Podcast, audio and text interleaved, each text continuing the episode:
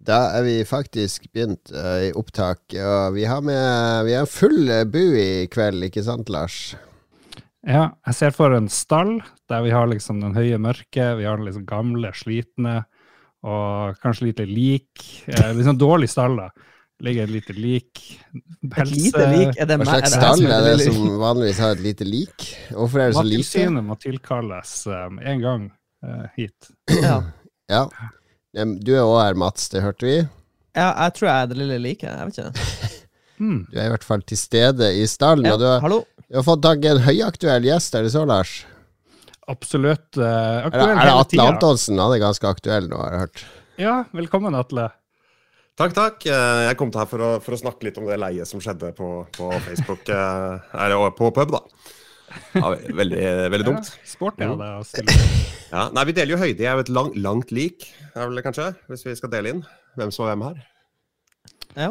Ja, vi har Lars, vi har Mats, vi har Jon Cato, og så har vi selveste David Skaufjord, fra, kjent fra podkast, tegneserie, spillutvikler. eh, Hva er det du ikke gjør, David? Jeg jeg, gjør ikke regnskap. Det er faktisk jeg korrekt på i dag. Du, du og Per Heimly, liksom. Uff a meg. Ja. Gjør ikke han det heller? Nei, han har havna i trøbbel sånn to-tre ganger på hvor han plutselig, plutselig har han ikke penger. Staten er i alt. Så det, Ja, det, er, eh, det, det kan fort skje her, altså. Det tror jeg ikke ingenting på. Jeg, jeg tror du er en ganske ryddig fyr. Du har til og med laga reklamefilm med kona, kona mi. Stemmer det. Vi lager sånn Muppets-aktige filmer med henne. Ja, det er ikke noe sånn Onlyfans-ting, hvis folk tror det. Det er noe sånn Muppets-fetisj. Det var uh, faktisk renovasjonstema renovasjonstema over det. Ja.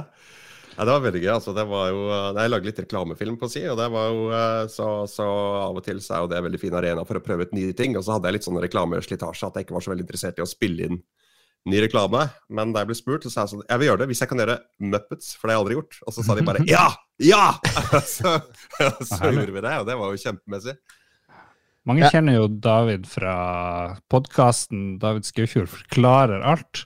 Og jeg hørte på det for fem minutter siden. Anbefales veldig. Anbefales uh, sinnssykt mye. Spesielt den episoden jeg hørte om uh, neurolingvistisk programmering. Så tipper jeg at hypnoseepisoden og den generelle NLP-episoden er bra. Nå går vi dypt ned i the weeds. Jeg ble bare veldig gira. Jeg har bare lyst til å prate om det.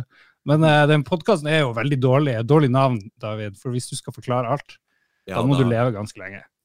Ja, det må du. eh, Og den er også, i utgangspunktet så var den litt sånn ironisk, for jeg forklarte jo ingenting. Jeg fikk jo gjestene mine til å forklare istedenfor. Så de, de episodene du snakker om, er jo unntakene hvor jeg faktisk forklarte ting selv, fordi at jeg hadde glemt å booke gjest, eller gjesten møtte ikke opp, så jeg måtte bare kjøre solo. Og da bare falt jeg tilbake på noe som jeg hadde drevet med Hmm. selv, og følte meg litt sånn, i hvert fall OK kompetent til å snakke om.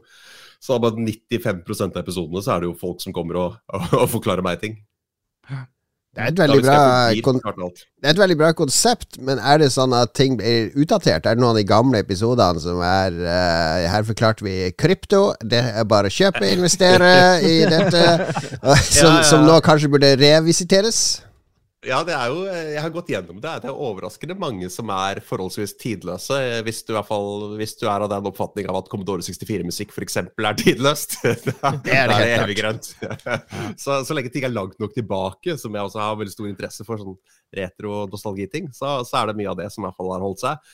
Så er det Jeg tror ikke jeg har fjerna noen Ja, jeg fjerna en episode.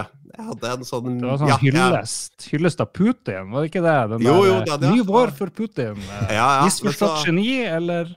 Eh, Men så begynte han bare så gradvis å bli kjip, og da måtte jeg bare Jeg- jeg- Ingen så det komme, så det, man kan ikke holde det mot meg. Nei, nei, nei. Nei. Men du hadde faktisk fjerna en episode? Ja. Jeg hadde jeg, vet Jeg kan faktisk si hva det er. Jeg hadde et intervju med eh, MMA-treneren min, som fikk en uh, metoo- metoo-dom på seg. oi, oi. Mm. Så da tenkte jeg at den her skal ikke jeg stå for. uh, så da den fjerner jeg. Uh, det som var problemet, var at jeg var på hans podkast også. Og den, fikk jeg, den lå på YouTube, Men den fikk jeg ikke fjerna så lett. Så da måtte jeg jobbe litt for å distansere meg fra den. Så, um, men bortsett fra det, så har jeg hatt liksom 200 episoder uten noe som helst metoo. Det er veldig bra statistikk, føler jeg. Ja, det er mer enn vi det har vel vi òg, bank i bordet, Lars. Nei, nei, nei. Det, det er mye La oss ikke rippe opp i det. Alt vi har gjort. Vi husker jo Som knapt episoden vi lagde for en, for en uke siden. Så, Lagde vi en episode forrige uke? ja, vi gjorde visst det. Vi gjorde visst det. Men eh, det passer bra å snakke om uke nå, for vi pleier jo å innlede med hva vi har gjort siden sist. Jeg, jeg føler det er obligatorisk for alle podkaster. Er det litt kjedelig? Eh, hvis man har noe veldig bra å komme med, så er det jo ikke kjedelig. Jeg Og når vi har en gjest som kanskje sporadisk hører på, er det, er det, noe, er det en kjedelig start? Er det liksom Nei, det er veldig, jeg syns det er veldig bra, veldig bra start. Mm, Eh, ja. Jeg hører veldig mye på podkast jeg vasker opp og lager mat, og sånn, så i begynnelsen så er jeg ikke så veldig fokusert, så man kan liksom bruke det sånn som burner-materiale. Ja. Det er bare å ha søpla i starten. ja. Er ingen, ingen som følger med, da. Så lenge det ikke er provoserende dårlig, liksom, så går det sikkert bra. Men eh, David, eh, skal vi gå rett på gulvet? Gullet? Jeg, La oss gå på gulvet. Ja, la oss gå på gulvet. la oss vaske gulvet. Prøvde å dra deg inn i forrige uke, men da var du et helt annet sted eh, i verden. Det var jeg. Eh, da var jeg i San Francisco. Eh, og det, det, det er så artig at det har blitt liksom sånn uh, Det har blitt så greia I dag så ble intervjua av lokalavisa, Namdalsavisa. Det ringte sånn 'David, du har jo vært i San Francisco. Kanskje vi kan snakke litt om det?' Så det er sånn Fyr fra Nord-Trøndelag har vært i utlandet. Men det, det var litt mer Jeg var på, jeg var på Day of the Devs, uh, spillkonferanse med um, Snufkin, altså Mummitrollet-spillet som lages på Hyper Games, hvor jeg eh, er uh, ansatt som manusforfatter. Så da fikk jeg liksom en anledning til å dra dit og, og presentere det. Og hele resten av gjengen hadde akkurat vært i Tokyo og presenterte der. Og brukt opp den kvota med Havna i manko med barnepass og, og sånn. Så da, det, da, kan jeg, da kunne jeg kaste meg på. Det var en rå opplevelse, altså. Så, så eh, eh, Snøfkin var valgt ut til å være med i Day of the Devs. Det er jo denne eh, Det er jo kuratorert av eh, Double Fine, er det ikke det? Jo, det stemmer. Det er Double Fine og I Am 8-Bit som arrangerer det. Eller han som arrangerte det Ja. i år. Og vi var vel Nå vet jeg ikke hvor mange som var der, men det var godt selskap. da Ken og Roberta Williams hadde vel en uh, liten stand uh, med det der nye, dessverre ikke så veldig tiltalende Colossal Cave Adventure 3D. Eh, som eh, også Tim Shafer er jo eh, som ja, lagde Diablo Tentacle. Var medkreatør med på Monkey Island 1 og 2. Han, han var jo der. Han uh, var en av arrangørene. Og vi var ett av, jeg tror kanskje opp til 70 spill. Jeg er ikke helt sikker. Jeg Ja, det er såpass mange nå. Jeg var jo der med Mosaic i sin tid, og der var det Ja. liksom 20 spill eller noe sånt. Det var mer enn 20, men jeg vet ikke om det var så mye som 70. Men jeg fikk ikke gått rundt noe særlig, for jeg sto jo på standen vår hele tida. Så ja. Så var du Eh, nei, det- Er det Fronter man sånn spill eh, skikkelig nordisk? Var det i, eh, i bunad og, og sånn? Man må liksom bli lagt merke til. Det er det som er problemet på disse messene, at man må gjøre Ja. noe som gjør at man blir lagt merke til. Ja, og når du er liksom blant 70 andre boder som prøver å bli lagt merke til, så er jo konkurransen ganske høy. da, Hvordan skal du stikke deg ut? Så jeg, jeg tror jeg dro på meg en av mine jeg, Så jeg går jo bare i strikkegensere lagd av svigermor og mamma, så det, det var det første jeg dro på meg. Ja. Og det andre var, eh, det andre var jo at uh, Mummitrollet er ganske ikonisk mange steder i verden, i Norden spesielt. Um, det er jo få som ikke er oppvokst med Mummitrollet. Og i Japan så var det gigasvært, men i USA så fikk vi liksom heads up at ingen kom til å bry seg. Nei. Og du måtte liksom, de, Hvis de syntes det så fett ut, så kom de innom, men ingen kom til å kjenne til Mummitrollet. Og det var liksom en sannhet med modifikasjoner. fordi at uh, det, det viser seg at Mummitrollet er kjent gjennom memes, eller memes. Det Ja. jeg uttalte på engelsk. Eh, Så det var mange sånn Å, det er han der fyren fra memene, var det mange som kom bort og sa. og gjennom eh, anime eh, så var det jo Det har jo vært en japansk animeserie. Den var veldig populær blant sånn 20-somethings der borte. Og så var det en del folk på 40-50 som kjente det fra sin barndom. da. Så det var en del liksom, Tegneseriedelen av crowden kjente veldig godt til det. Den gjennomsnittlige amerikaner hadde vel ikke noe særlig forhold til det fra før. Men vi stæsja jo boden vår med mummikopper som vi ordna fra flyplassen. Eller vi hadde, vi hadde glemt å ordne de fra Norge, så vi måtte bestille de fra Hawaii dagen før til San Francisco for, å- for å få de. Men da, da stæsja vi opp med mummibøker og mummikopper for å vise at det viktigste for eller noe av det viktigste for publisheren vår, da, eller, eller innfallsvinkelen for publisheren vår, for ikke å si noe galt, var at vi skulle si at Snusmumrikken og Mummitrollet er like stort i Norden som Disney er for dere, eller Studio Ghibli er i Japan. Det var liksom hooken vår. Mm. Uh, fordi at det er en kjent IP, er liksom et sånn salgsargument i seg Mm. selv. Men eh, folk eh, jeg vet ikke, Det er noe ikonisk med karakterene om du har møtt dem før eller ikke. Så folk responderte bra på det visuelle, da. rett og slett i, i stæsjet. Så kom de bort, og så ble de, ble de værende for spillet. Vi hadde en bug da, som var helt katastrofe. Vi, vi kjørte alt på Steamdeck. Alle var dødsstressa fordi at alle hadde fått beskjed om at de skulle kjøre det på PC. Eller mange av de jeg snakker med, har fått beskjed om det. Og det var første gang vi testa det på Steamdeck, og spillet gikk fint å spille på Steamdeck, men det var en trailer som skulle kicke inn hvis du var inaktiv i to minutter. Eh, og da kom det bare sånn videokodek som så ut som prøvebilde fra NRK på 10-80-tallet. Så det var litt sånn eh, kjipt, for jeg var en trailer vi var ganske fornøyd med. Men um, den gode nyheten var at i løpet av sju og en halv times spilling så var det ikke idling én gang. Så folk sto i kø for å spille det. Så det, vi, vi kom aldri til det trailerbildet. Så, så vi fikk aldri sett den bugen. Men uh, bortsett fra det så gikk det kjempefint. Tim Shafer kom bort og tok bilde av spillet og ville vise det til kona og sånt. Så det, det var. Nice. veldig gøy. Hvordan var San Francisco? da? Det eneste forbindelse med San Francisco, det er den konstante aimen av urin og weed. Ja, det, det er jo, der naila du det, liksom. Eh, og det er, San Francisco er jo fantastisk, eh, men det er jo det er liksom sånn destillert USA. Det var jo de store ytterpunktene. Jeg kom liksom dagen etter at Elon Musk hadde vært rundt og vandra på Twitter-kontorene med den der vasken sin. Den der Let that sink in dad-joken. Verdens dyreste dad-joke. Eh, og jeg hadde hotell som var liksom to kvartaler fra Twitter, hovedkvarterene, og der lå det masse uteliggere rundt da jeg kom. Så det var liksom verdens rikeste fyr og verdens fattigste folk konsentrert rundt samme bygg. og Det, det oppsummerer litt av men, men med en gang du kommer deg ut av downtown, så er jo San Francisco helt nydelig. Jeg gjorde jo alle klisjétingene. Jeg var døgnvill, så jeg gikk meg vill i den Golden Gate Park, som er jo dritsvær. Ja, ja, ja. Og, og så tok jeg sånne morobilder av at uh, altså Det sto sånn skilt på det sånn Pass deg for det, det, kan, det kan være coyoter her. Vi tror ikke det er det, men det kan være coyoter her. Så går jeg selvfølgelig faen meg rett på en coyote midt på natta i Golden Gate Park. Og da hadde jeg lest på skiltet, da sto det sånn hvis du ser en coyote, så må du bare ikke snu ryggen til. Hold øyekontakt, vift med armene og skrik og prøv å slå på noe metall hvis du har det med deg. jeg gjorde ingen av de tingene. Jeg frøys fullstendig, og coyoten bare så dumt på meg, og så spaserte jeg av gårde. Og da slo det meg at jeg skulle ta et bilde. Så tok jeg bildet, og det ser bare ut som en jævla vaskebjørn, så det er ingen som tror på meg. Så jeg var såpass langt unna. Hmm. Men um, ja, så, Whisperer.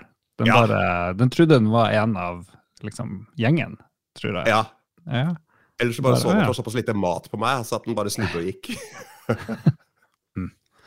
Morsomt. Sweet. Ja, det er lenge siden jeg har vært der nå, men det, det ble liksom uh, Det er LA som er vår by, ikke sant, uh, Ja. Lars? Av Ja, en eller er annen grunn. Men LA måtte Ja. jeg være i fem ganger før jeg likte det. Jeg har bare vært fire ganger i San Francisco, så det er mulig jeg er på grensa til å begynne å like den byen. Men LA, det er folk kanskje ambivalent forhold til da? Altså, det er Alle, jo, alle, eh, alle hater LA de første Ja. gangene de er der.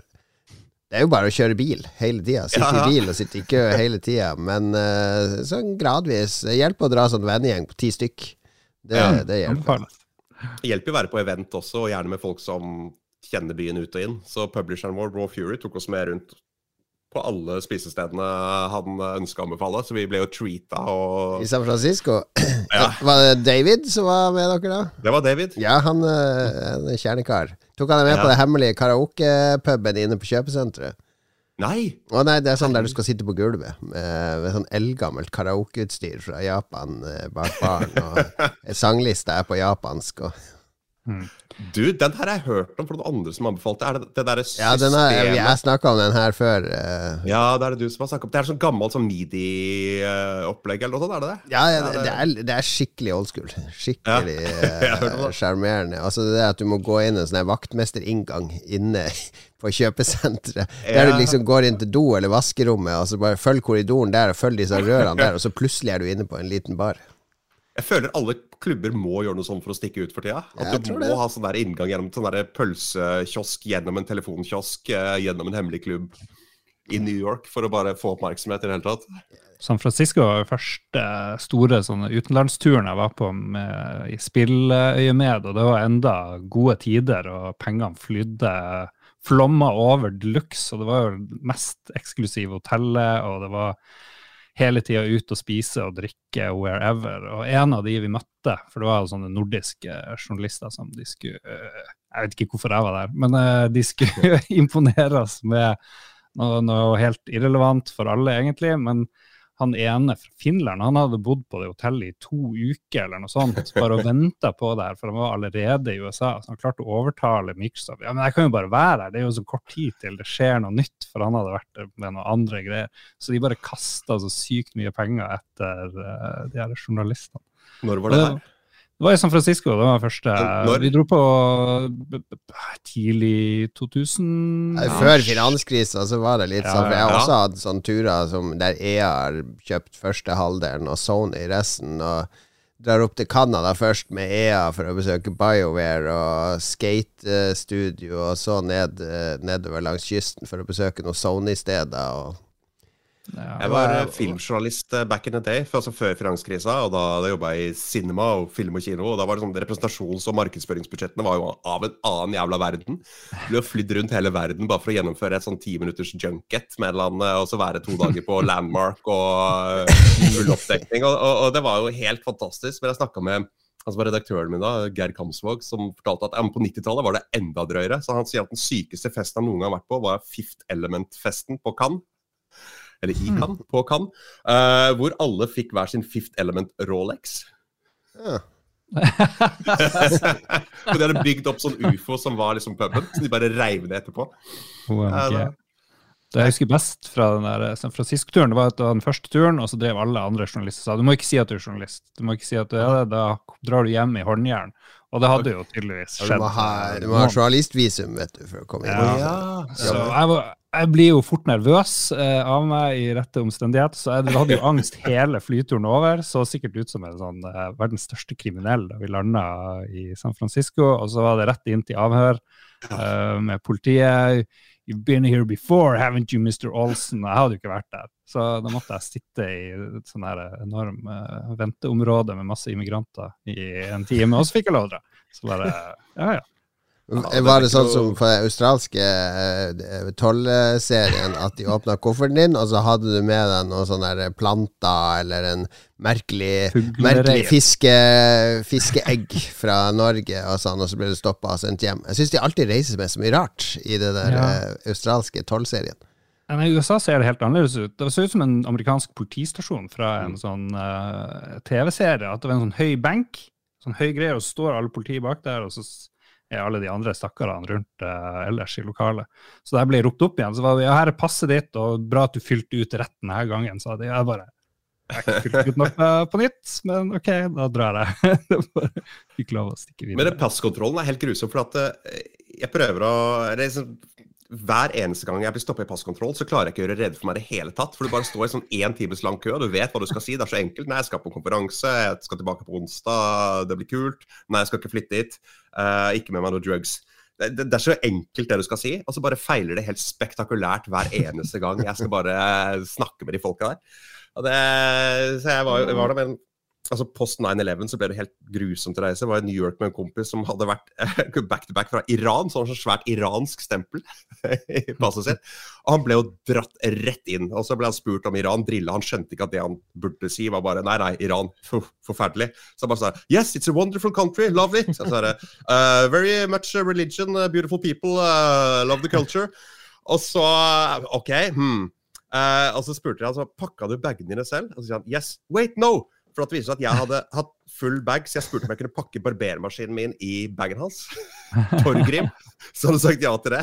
Og da ble spurt pakker du bagen selv, istedenfor å si bare ja og spare to timer med undersøkelser her og der, så bare nei, nei. Han der har lagt ting opp i den, og da røyker vi jo rett inn til sånn politiavhør som du beskriver. Altså sånn der Ah. skremselsformalitet. Og du føler deg sky... Altså, på samme måte som du føler deg skyldig hver gang en politibil kjører forbi i gata. Så bare Ja, ja, ja. når sju amerikanske politifolk står og begynner å true med hanskene, ikke sant, så Ja. blir du stressa.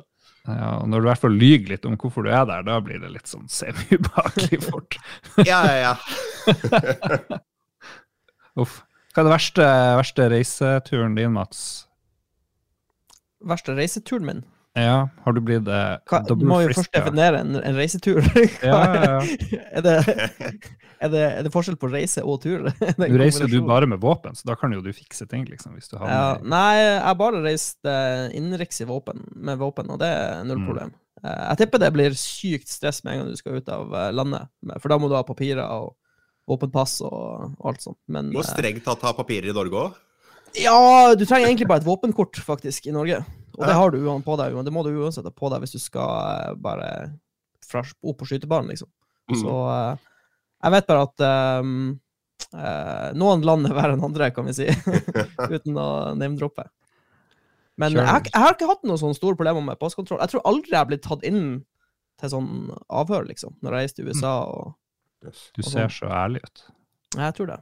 Jeg, jeg, ja, det vet jeg ikke. Kanskje hvis du kommer med våpen i USA, så bare sånn Ja, han er en av oss. Jeg bare Slipp han inn. Jeg tror, jeg tror det er nesten umulig å reise til USA med våpen, faktisk. Ja. Ja, så du må nesten låne våpen hvis du skal på konkurranse til USA.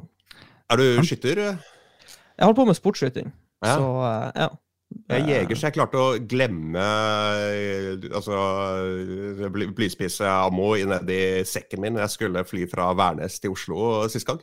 Ja, Under jakta, for det var samme i sekken jeg brukte Ja, under jakta. Og så ble jeg sånn pip, pip! Du, uh, kom her. Altså bare sånn, er det, er det din ammunisjon? Fuck, nå ryker jeg inn. Så sånn der. Ja, ja, bra jakt, eller? Ja, ja, kjempebra. Ok, vi må dessverre ta disse, men uh, god tur og lykke til på jakta videre. Så det var sånn, det var Værnes for deg, altså. ja, ja. Jeg Kunne, kunne, kunne det- nok gått verre, ja. ja, da jeg flyttet til Alta en gang, så, så, var det, mm, så var det skilt på flyplassen hvor det sto maks tre kilo ammunisjon per person og for, forbudt med skinnvest. Det var tydeligvis sånn gjenggreie, da, den skinnvesten, men tre kilo Ah. ammunisjon, det gikk bra. Ikke noe over tre kilo, det går ikke. Jeg tror med The Vision så kan du ha fem, så de er ganske sjenerøse på mengde. Mm. Var i, uh, i Filippinene en gang og på bryllup, og familien til som, de som gifta seg, den lokale familien, de var sånn Det var mye, mye rykter om hva de hadde holdt på med, da, men det var sånn bånd til diktatorer og mye rart som jeg aldri fikk verifisert om eh, stemme. da. Men eh, de var i hvert fall venn med, med flyplasssjefen og sånt, så da vi hadde vært og skutt dagen før vi skulle dra hjem, så sto og holdt noen, noen sånne tomhylser og noe greier. Så jeg bare, jeg har lyst til å ta dem med hjem. Jeg bare, nei, ja, ja, jo, jo, du må ta dem med hjem. Og da skal jeg eskortere deg gjennom metalldetektorgreien metalldetektorgreiene på flyplassen, så du kan liksom ikke bare putte dem i kofferten en gang. Jeg jeg skjønte ikke helt hvorfor jeg skulle gjøre det, men fikk sitte på med sånn her eh, general, eller hva det var for noe, til flyplassen, og eskortert gjennom sjekken. Å, ha det bra. Jeg bare, ja, ja. Jeg vet ikke helt hva, hva det var for noe, men ja, man har gjort det. Merkelig. Ja, det er, det. Har du gjort det? Ja, er det noe annet vi må dele før vi går videre i podkasten?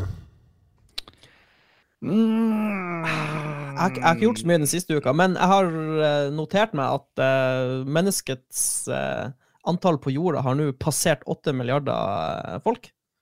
Så jeg vet ikke, Ja. er, det noe, er det noe man feirer, eller er det noe man er litt lei seg over? sånn achievement unlocked. Jeg føler Ja, jorda går for sånn maks achievements for tida. Åtte milliarder, boom! Yes. Ja, Erna sa vel at vi måtte få flere barn, sa hun ikke det? Ja, da kan vi klappe oss sjøl på skuldrene, folkens, for nå har vi, nå har vi Ja, nå har vi klart det. Det har gått ganske fort. 1970 da var vi 3,7 milliarder, og 1900 1,6 milliarder. Så det har Jeg tror, jeg tror eh, de, som er i midt, de som er i midten av 40-årene sine, så har jordas befolkning dobla seg i løpet av deres eh, liv. Gått Ja. fra ca. fire til åtte. Er det, jeg, for det er så mye som er komplisert ikke sant? Med, med å holde styr på, på jorda. Ikke sant? Det, det er mange komplekse ting, men akkurat det med hvor mange mennesker vi er, det er så stålkontroll. Med en gang når du er født, så er inn i databasen. Hele verden vet. Nå er vi eh, 7 millioner eh, 7 milliarder 999 millioner ni- ni- ni- ni- Åtte. Ja, nå er det en til! Ja, det er en til i Brasil! Ja, det er en i Canada! Det, det er Er liksom sånn eh, det er, det er total kontroll over hvor mange vi Ja, er på men tror du de har det? Jeg tror ikke de har så eh, stålkontroll. Skal vi stole på de tallene? Er det her fake news? Hva sier faktisk.no om eh, befolkningstallet? Jeg tror det er snakk om pluss-minus et par millioner. Ja, er det bare en algoritme? Ja, Det ble det født så det. mange folk i dette landet per måned i fjor, så vi har regna ut snittet for Mm. fødselsvekst. Og så tør, antar vi at det er så mange. Det må jo være det. Det her må David kunne forklare. Det her, her har du temaet. tema. Det jeg lurte på, da, er, sånn, er det som med nyttårsbarnet? At sånn der, barn nummer åtte milliard får en sånn I hvert fall et diplom, da. Ja, hvem ble Du barn nummer nummer åtte åtte milliarder? Det burde jo være et navn på det barnet. Hvis de har så kontroll. Vær så god. Du skal dele alle verdens ressurser med 8 milliarder andre mennesker. Lykke Ja, ja, til. Fordi dette må jo også være kobla til når folk dør. Det må også Boom! Rett inn i databasen. Ikke sant? Pluss, minus, pluss, pluss, minus, Ja. pluss, pluss. Konstant. K- Kanskje det var sånn, på et eller annet punkt så var det sånn Ja, vi har 8 milliarder! Fuck, vi har 7 milliarder 999 millioner. Men de har blitt veldig de har blitt veldig flinke å telle hvor mye torsk er det, hvor mye hyse, skrei. Kanskje de burde bare bruke samme metoden som å telle fisk som folk. Det, det ville jeg gjort. Kanskje. Fordi, fordi mennesker er jo over havflata. Det må være mye lettere å telle. Men det er jo enorm logikk her. Ja, og Kan man opte ut fra å bli telt, eller må Hei. du, har alle levert samtykke? Leverer du samtykke med en gang ved fødsel? Ja, det er greit, du kan, jeg kan være med og bli telt. Jeg har har funnet eh, funnet en nettside som påstår at det er hele verdens befolkning i sanntid. Eh, og vi er faktisk oppe i 8 milliarder og 80 000 allerede. Så det her går det unna. nice, nice. Jeg kan jo nevne at jeg var på Maraoke i Oslo i går, fordi Maraoke-gjengen uh, svippa innom på vei til Finland, og så klarte eh, Martin Kvale i Krillbite eh, tok kontakt med meg, og så tok jeg kontakt med Tilt, og så fikk vi i hui og hast rigga Maraoke på en mandag. Ikke optimal dag å, å ha sånn utelivsevent, men det kom jo rundt 60 stykk, så det er ganske bra at det var en mandag. Så da sang jeg to sanger i går. Gjett hva jeg sang da, Lars? Uh, Ace of Spades. Nei, for den synger jeg alltid. Så jeg, han Sti sier at jeg må alltid utfordre meg sjøl og synge de jeg ikke Mm. kan. Ja, da ble det Total Eclipse of the Heart. Nei, det var det noen andre som sang, for det, det er veldig duett, da. Og det kan, det kan, hvis jeg skulle være med på den, så må jeg ha den derre Turn around, og så Ja, må ja, en annen synge det som er litt lysere. Du sang uh, Kate Bush 'Running Up That Hill'. Nei, nei, jeg kan ikke prøve meg på Kate Bush. Men jeg sang uh, Beastie Boys med Sabotage, som selvfølgelig handler om David Kars. Eh, og eh, hans quicktime events og forsøk på å lage drama. Og der i det partiet der du skal rope Du vet det er sånn parti der de hyler sånn «Ah!» Der roper du selvfølgelig 'Jason!' Det, det er jo han du leter etter på kjøpesenteret. Og så sang jeg eh, Muse med 'Uprising'. Den der eh, 'Come on!' Ja, alle har hørt den. Den handler om Pitty Molyneux. Syng mer! Alle har hørt den. ja, ja, det der eh? He will not deceive us. He's the man who made populous Og så videre. Så stor stemning, stor stemning. Ja. Men tok du bare den 'come on'-biten, eller kjørte Nei, den, tok publikum, så, så jeg sang jo opp og bygge opp, bygge opp, bygge opp, og så pekte jeg ut, og så alle bare oh, Come on! De, de føler dem mektig for de har, de, de har rigga det til. Jeg vet ikke om du har vært på Maraoken, eh, David, men de rigger det jo til. Så at alle skal stå og følge med på den som synger. Det er ikke sånn at du skal sitte med ryggen til og vente til kompisen din synger. Alle er med. Ikke sant? Så alle er med og synger. Og når du står på scenen med alle ansikt mot deg, og alle er med og synger, det er en, en ganske god følelse. Det er det alle karaokefolk alltid drømmer om, men aldri oppnår. Så Ja, nettopp. nettopp. Her er det, blir du tvunget Skal du være med på det her, så må du være med. No one dies alone, er jo slagordet på karaoke. Kom Bernt Hulsker på karaoke. Maroke? Hvor, hvor, hvor tok du det fra? At Bernt Hulsker skulle dukke opp? Han Han var, på, han var på syng. han var på syng når det her greiene skjedde. Ja, det er sant. Det er sant. Julebord. Ja. Hva blir julebord eh, i Harstad, og hvilke forhåndsregler har dere tatt for å unngå sånne skandaler, Lars? Ja, det siste syngeskandalen i Harstad, det var jo musikkquiz hvor alle fikk korona. Nå er liksom det er ikke en ting lenger. Men, kan Nei, var ikke det sånn der uh, musikkquiz der du skulle sende mikrofonen mellom folk, så alle skulle spytte Ja, og frese og slikke på på mikrofonen? Yes. Ja. Det var ikke så lurt, men det er eldes godt, det der. Nå kan alle synge karaoke så mye de vil. Eh, julebord? Nei, jeg vet ikke. Det, jeg vil gjerne ha Marokko på julebordet, men det, er liksom, det går ikke an. Det er bare det er supereksklusivt, det der. Så er ingen Altså, alle kan booke det. Koster jo 20 000-30 000. Ja, nei, det må jeg glemme. Selv om vi har fått uh, produksjonsstøtte, som også kalles uh, mediestøtte, min, uh, min, nye avis. Så det må vi jo bare Ja, Det blir bli kjedelig. Nærmer seg musikken her. det jeg skulle, det jeg skrev opp med som er veldig kjedelig Jeg skal bare med en gang be folk ikke se på Star Trek Strange New Worlds, for det har jeg sett. Fy fader, det var, var boring shit, altså. Jesus lord. Det, jeg syns det var mye bedre enn Discovery, for eksempel. Discovery klarte jeg ikke, men det jeg likte fra Discovery, var han Captain Pike.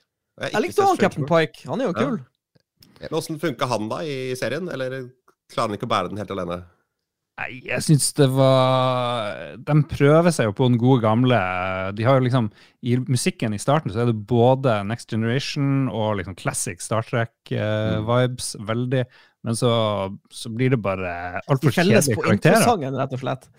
det, det, viktigste med Star Trek er at du har interessant cast, og det er jo det som bærer hele greia. Og litt sånn at de drar på en planet hvor alle er naken, eller et eller annet sånt. Ja, ja. Så det, ja, og det, Må, det, det, er det viktigste med Star Trek, at du kommer til sånn Planet of Hats hver episode. Så når det skal være sånn psykodrama in space, som det var i Discovery, så folk jeg helt av. Så jeg tror jeg har sett nesten, nesten alt av Star Trek fram til Discovery, og så var det sånn Jeg kanskje ikke trenger å bruke mm. resten av livet på her. Jeg er veldig uenig med Lars, for jeg, jeg har ikke sett alle episoder, så fire eller noe sånt. Og de syns jeg alle hadde sin egen verdi, for de er mer som original series enn uh, Next Generation. Og med at alle har en ny idé, uh, og så får alle karakterene skinne litt. Og det er litt kule backstories og sånne ting, så jeg syns det var Next Generation er jo òg en ny idé nesten hele tida. Litt sånn recurring shit, men uh, ja, agree. Next Generation det er den kåte, blinde fyren som driver og prøver å knulle alle på, uh, på Enterprise hele tida.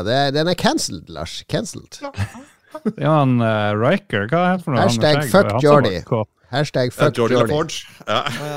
Ja, Jordy så kåt? Ta og se det på nytt. Jordy er, det er noen episoder der Jordy Det eneste han prøver, er å komme i buksen på de damene. Det er helt vondt å se på. Men, men, det er en episode hvor alle prøver å komme i buksen på hverandre tidlig TNG, første eller andre sesong, hvor, det, hvor hele skipet, eller hele Enterprise, blir infisert av sånn der, eh, virus som egentlig bare gjør alle drita.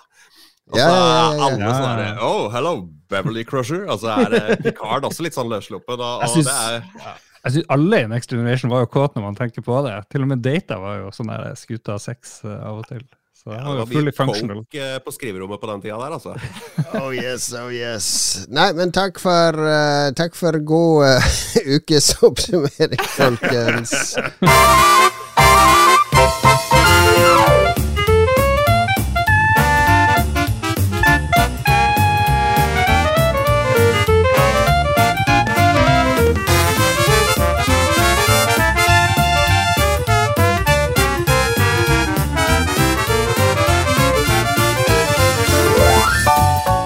Sånn her høres det ut når du spiller Mario Kart eh, Tour.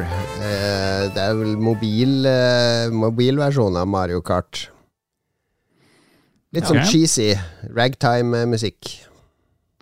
Ja, det hørtes ut som en sånn gammelt adventure game. Litt sånn Larry-aktig. Ja. ja, kanskje det. Da skal det handle om spill, i hvert fall. Hva vi har spilt i det siste. Um, jeg ser at jeg og du har spilt uh, Eh, kanskje David, du kan jo fortelle litt om snusmumrikken først. For det, er det sånn at du har vært med og jobba på det? Ja, jeg har vært med og jobba på det nå en stund. Det var en idé som eksisterte før jeg kom om bord, så ble jeg tatt inn som uh, En kjempegammel idé fra Finland, har jeg skjønt. Kjempegammel. De, de kom oss i forkjøpet i Finland sånn med 50-60 år. Uh, men uh, Nei, jeg er manusforfatter på hva det heter, Chief Narrative Designer, eller hva jeg valgte å kalle meg i USA, hvor du måtte ha en tittel.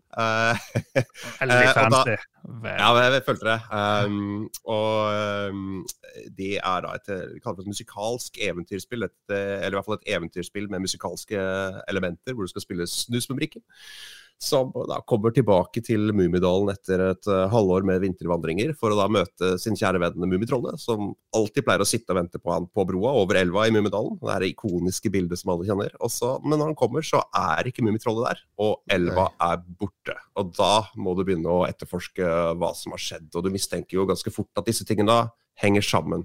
Så du, du kom borti en fyr som heter eh, Parkvakten, som har gjort noen endringer i Mummidalen, som Snusmumrikken ikke liker. Så du skal liksom, det er et narrativt spill med masse puzzles og forsøksvis sånn full immersion inn i Mummi-universet. Hvor jeg liksom prøvde å gi den opplevelsen du får av å lese bøkene som liten, til et ja, nytt og etablert publikum. For jeg lurer på det her med narrative design. Akkurat nå, akkurat i dag, eh, på Twitter, hvis man følger de riktige, så er det litt sånn her uh, sur Eller det er, det er litt sånn elitistisk debatt rundt narrativdesign i spill fra folk som jobber med narrativdesign i spill, fordi de sitter og ser på Ja. Game Awards-nominasjonene og sånn her uh, 200 sider med backstory som du finner i sånne law-bøker. Det er ikke Mm. narrativ design. Eh, hva er egentlig narrativ design? Nei, det vet jeg ikke. fordi eh, det er veldig i motsetning til film- og TV-bransjen hvor jeg kommer fra, og tegneserier, som liksom er min bakgrunn, så er jo eh, spillbransjen, eller i hvert fall det hjørnet jeg opplevde av spillbransjen, som er Hypergames, langt mer kollaborativt. Og, og ideen om spillet var jo da som sagt på plass før jeg, før jeg eh, kom om bord. Så, så min jobb har da, Og da var det veldig mange ideer om ja, hva som skulle skje, hvem du skulle møte, hvem du skulle være, puzzles etc. Så, så noe av det jeg jobber med, har vært å knytte sammen disse elementene i samarbeid med teamet til en slags dramaturgi. Da. Jeg jobba som dramaturg i mye i film og TV, og den øh, kunnskapen kunne ta med videre i spill. Og det andre er at du rett og slett adapterer fra eksisterende materiale. Så det er jo å remikse to mm. eksisterende Tove Jansson-materiale. For at øh, vi prøver egentlig å finne på minst mulig narrativt. Så, så egentlig så er jeg mer en klipper i historie. For Vi har tatt veldig mye utgangspunkt i en bok som heter 'Farlig midtsommer', f.eks. Ja. Og, og tatt utelukkende utgangspunkt i bøkene til Tove Jansson og tegneseriene. Ikke tatt noe utgangspunkt i animeserien eksempel, eller filmene som er lagd senere, som har tatt seg tidligere litt kreative friheter, hvor de ønska å holde det tilbake til kjernen. Da. Så, så, så jeg Ja, for denne filmen 'Midtsommer' den ligner jo ikke så veldig mye på den. Nei. Nei.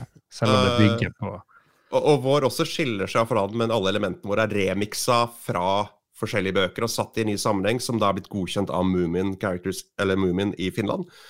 Og det er jo også det er jo flere narra... Alle på teamet er egentlig narrative designere, som også er kanskje en ja, manusforfatter slash dramaturg, da. For alle har jo en idé Ja. til Plutselig er det noen som har lest en bok, og så bare «Æ, vi har med den karakteren. Så bare ja, leser alle om den, og så slenger vi den inn, og så finner en plass i historien. Jeg tror jeg henger med. Jeg, altså, tror jeg, jeg, jeg, er jo veldig interessert i spillkritikk og disassemble-spill og skjønner hva er det som får ting til å tikke. Jeg tror det som er grunnfundamentet i disse narrativdesignerne sine, sine arrogante hekling av Game Awards, er at veldig mange som lager stories og backstories og worldbuilding i spill, de lager en kulisse som du som spiller bare er på besøk i. Mens den historien som skal oppstå som, ved at du er der og påvirker og endrer verden, det er ofte veldig begrensa. Eh, fordi Ja. man er, blir så forelska i alt det der eh, man har laga rundt. Og så blir du bare Ja, en sånn passasjer. Du blir bare en sånn passasjer i, Ja. i, eh, i en sånn fin kulisse. Det er jo også Dialogforfatter øh, er jo også der, men det meste jeg prøver å, å bruke nesten utelukkende, eller i hvert fall der jeg finner det, så bruker jeg eksisterende dialog fra Tove Jansson. Ja. Noen ganger så må vi finne på noe sånn der Å, se over der, den steinen ser interessant ut. Som ikke nødvendigvis står i noen av bøkene. Men altså, og så må vi prøve, der vi ikke har noe, så må vi finne på hva vi tror Tove Jansson ville ha sagt. Uh, men eh, det første møtet mitt med uh, manusforfatter i spill uh, Jeg var jo briefly innom spillutvikling på 90-tallet. Da jeg hadde arbeidsuka mi på Funcom i åttende klasse, og bestemte meg for at jeg skulle drive med spill. og så havna jeg etter utdannelse helt andre veier, og, og trives godt med det. Og jobber nå både med, med, med TV og spill, men det første, dette er det første spillet jeg jobber på. Men første møtet mitt med spillforfattere var uh, de som hadde skrevet 'Planet of the Apes' på London Screenwriter Conference, hvor de liksom var eneste gjeng fra spillverden, og de var superarrogante og også veldig kule. For de var sånn derre Æh, film! TV, det er jo lett, dere må bare skrive én historie. Vi skriver en million historier i hvert spill. Og de var, og de var he hele holdningen deres var Hollywood er bullshit, alle flytter derfra for å drive med, med spill. Og film er lett, vet du. Det, det har vi jo fått bevis gang på gang. Nice. Det er sant. eh, ja. I har fått plugga Are fornøyd. Mm. Det er det viktige her. Det er det viktige. Mats, da, hva er det det går i hos deg nå? Hva er det går i for tida, som Leo ville sagt? Jeg må skuffe litt. Eh, Det er ikke så mye nytt. eh. Jeg sitter jo litt og venter på eh, Warzone 2.0, på DMZ. Og så kommer jo også Det kommer en sånn Early Access-greie til Darktide denne uka også. Så det jeg har gjort siste uka, er spilt mer Call of Duty, Spilt World Warcraft. Spilt Darkov. Men så har jeg også spilt eh, Super Nintendo Classic, faktisk, med niesen min. Den fysiske lille Den fysiske lille boksen, ja. For den har ligget i skuff hjemme hos meg siden jeg fikk den. Jeg har Mm. ikke fyrt den opp. Så uh, kjeder vi oss litt uh, her på søndagen, og så fyrte han opp. Har du hacka vi- den? Hmm? Har du hacka den? Går det an å hacke den? Ja, jeg tror du kan mose inn alt. Ja, det er jo bare en sånn uh, Raspberry Pi-variant, så du kan jo flashe og gjøre hva du vil. Men ikke sant. Nei, vi spilte bare det Vi, vi testa ut det som det, det er jo 21 spill lagt inn på den uh, ja, ut av boksen, liksom. det er ganske ok spill. Ganske bra, ganske bra utvalg, fordi eh, jeg hadde aldri Super Nintendo da jeg var liten kid, men flere av vennene mine hadde det, så jeg husker jo, husker jo alle spillene. Og jeg har jo spilt de fleste spillene på den boksen. Ble disse niesene dine imponert, eller var det rett tilbake til eh, Snapchat så- og TikTok? Jeg tror, de, jeg tror de savner sånn Roblox og litt mer avanserte Ja, spill. Men uh, vi, vi spilte noen kart uh, på Super Mario World, Ja. uh, og jeg vet ikke om det um, bare jeg som husker litt dårlig, men er det veldig mye sånn inertia i, i de gamle Super Mario-spillene? Akkurat tar det så lang tid. Og, Ja, det krever litt uh, fikling. litt sånn Altså, brutal. Altså, lø løpeknappen og beregninger, Ja, de gjør for- det.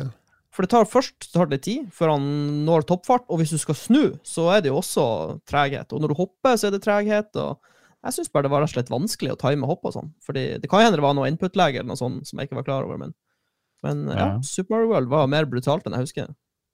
Men er det latency på den? For den er Commodore 64 Max. Jeg har også den Super Nintendo Classic, og har også Ja. prøvd å introdusere til min sønn, som ga fullstendig faen i de lavinstallerte, ja. altfor vanskelige spillene. Men, eh, men eh, Commodore 64 Maxi, da den kom, var det en helt sånn horribelt lag. Og Ja. eh, kunne bare Ja, for det glemme det å jeg satt og spille timer. litt på. Ja. Kanskje, kanskje. Jeg kanskje. vet ikke om det er på Nintendoen. Det er ja. rundt åtte frames eller noe sånt, så det er litt latency, ja. Ja, altså, jeg, sjek, jeg sjekka ikke om TV-en var i sånn spillmodus. Det tenker man. Det kan ha mye å si. Ja, det kan ha mye å si. Ja. Må prøve det på nytt. Jeg, jeg spilte en del på den og drev og lasta inn ting med broderen og sånt. Så det, det, Ja. Jeg, spilte, jeg satt også litt for meg sjøl og spilte starten på Link to the Past. Det var stor, stor kos. Ja, det er kos, altså. Mm. Ja, Lyn og tordne og Ah, ja, ja, ja, stemning. Ja, Åh, stemning. Stemning. Stemning. Det er Jeg har sånn, spilt, det eh, ja, du har spilt det samme, Lars. Ja, det er sånn gammelt møltema, eh, denne episoden. Vi har spilt der eh, Atari 50 Anniversary Celebration. Oh yes, det kom nå denne uka en, en, et slags interaktivt museum av Atari fra, helt fra Pong. Og, og Space Wars, egentlig, er jo også med, med der. Men ikke spillbart, men masse materiale rundt det. Men fra, fra der, og så fram til og med Atari Jaguar og Lynx er vel også representert. Ja, de nevner Atari Falcon, den der eh, Amiga-aktige 1200-konkurrenten, men der var det ingen spill med. Men det, det er sånn rundt 100 spill, og så kan du er, er selve pakka delt inn i litt sånn ulike ting. Du kan bare spille gamle Atari-spill hvis du vil, men så kan du lese en sånn historie. Du kan se Mm. helt fra starten av, av uh, historien til spillet, egentlig, som det jo handler om. Og liksom noen av de største titlene, og se bilder, videoklipp fra folk som var involvert. Og det som er litt artig, det er jo at det, de er ganske bitre, de her gamle Atari-ansatte. De driver ikke og legger noe De pynter ikke på sannheten. Det er sånn egen kapittel om drug use på eh, Atari, for eksempel. Og det var, de hadde en sånn egen messenger-service med sånne gule konvolutter som ble sendt rundt. Så det var en som var ansatt bare for å distribuere narkotika i, i Atari. og så klager de på sjefene sine om de, alle de dumme tingene de gjorde. Men det var jo litt lett å gjøre dumme ting eh, i starten av spillindustrien, for det var ingen som hadde gjort det før. De visste ikke når er en konsollgenerasjon slutt, f.eks. Det hadde de ikke peiling på, så de bare måtte jo bare prøve å herje.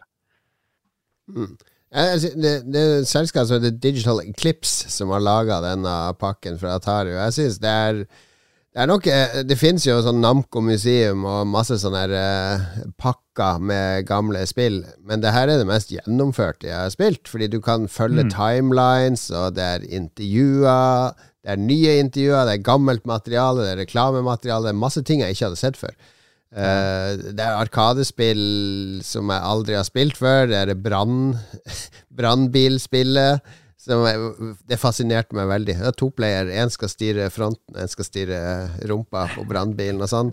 Uh, utrolig weird grafisk stil på det, som jeg aldri har sett i noe spill før. Jeg, jeg har lært masse. Jeg har sittet en time og pludra med det på Steamdekken.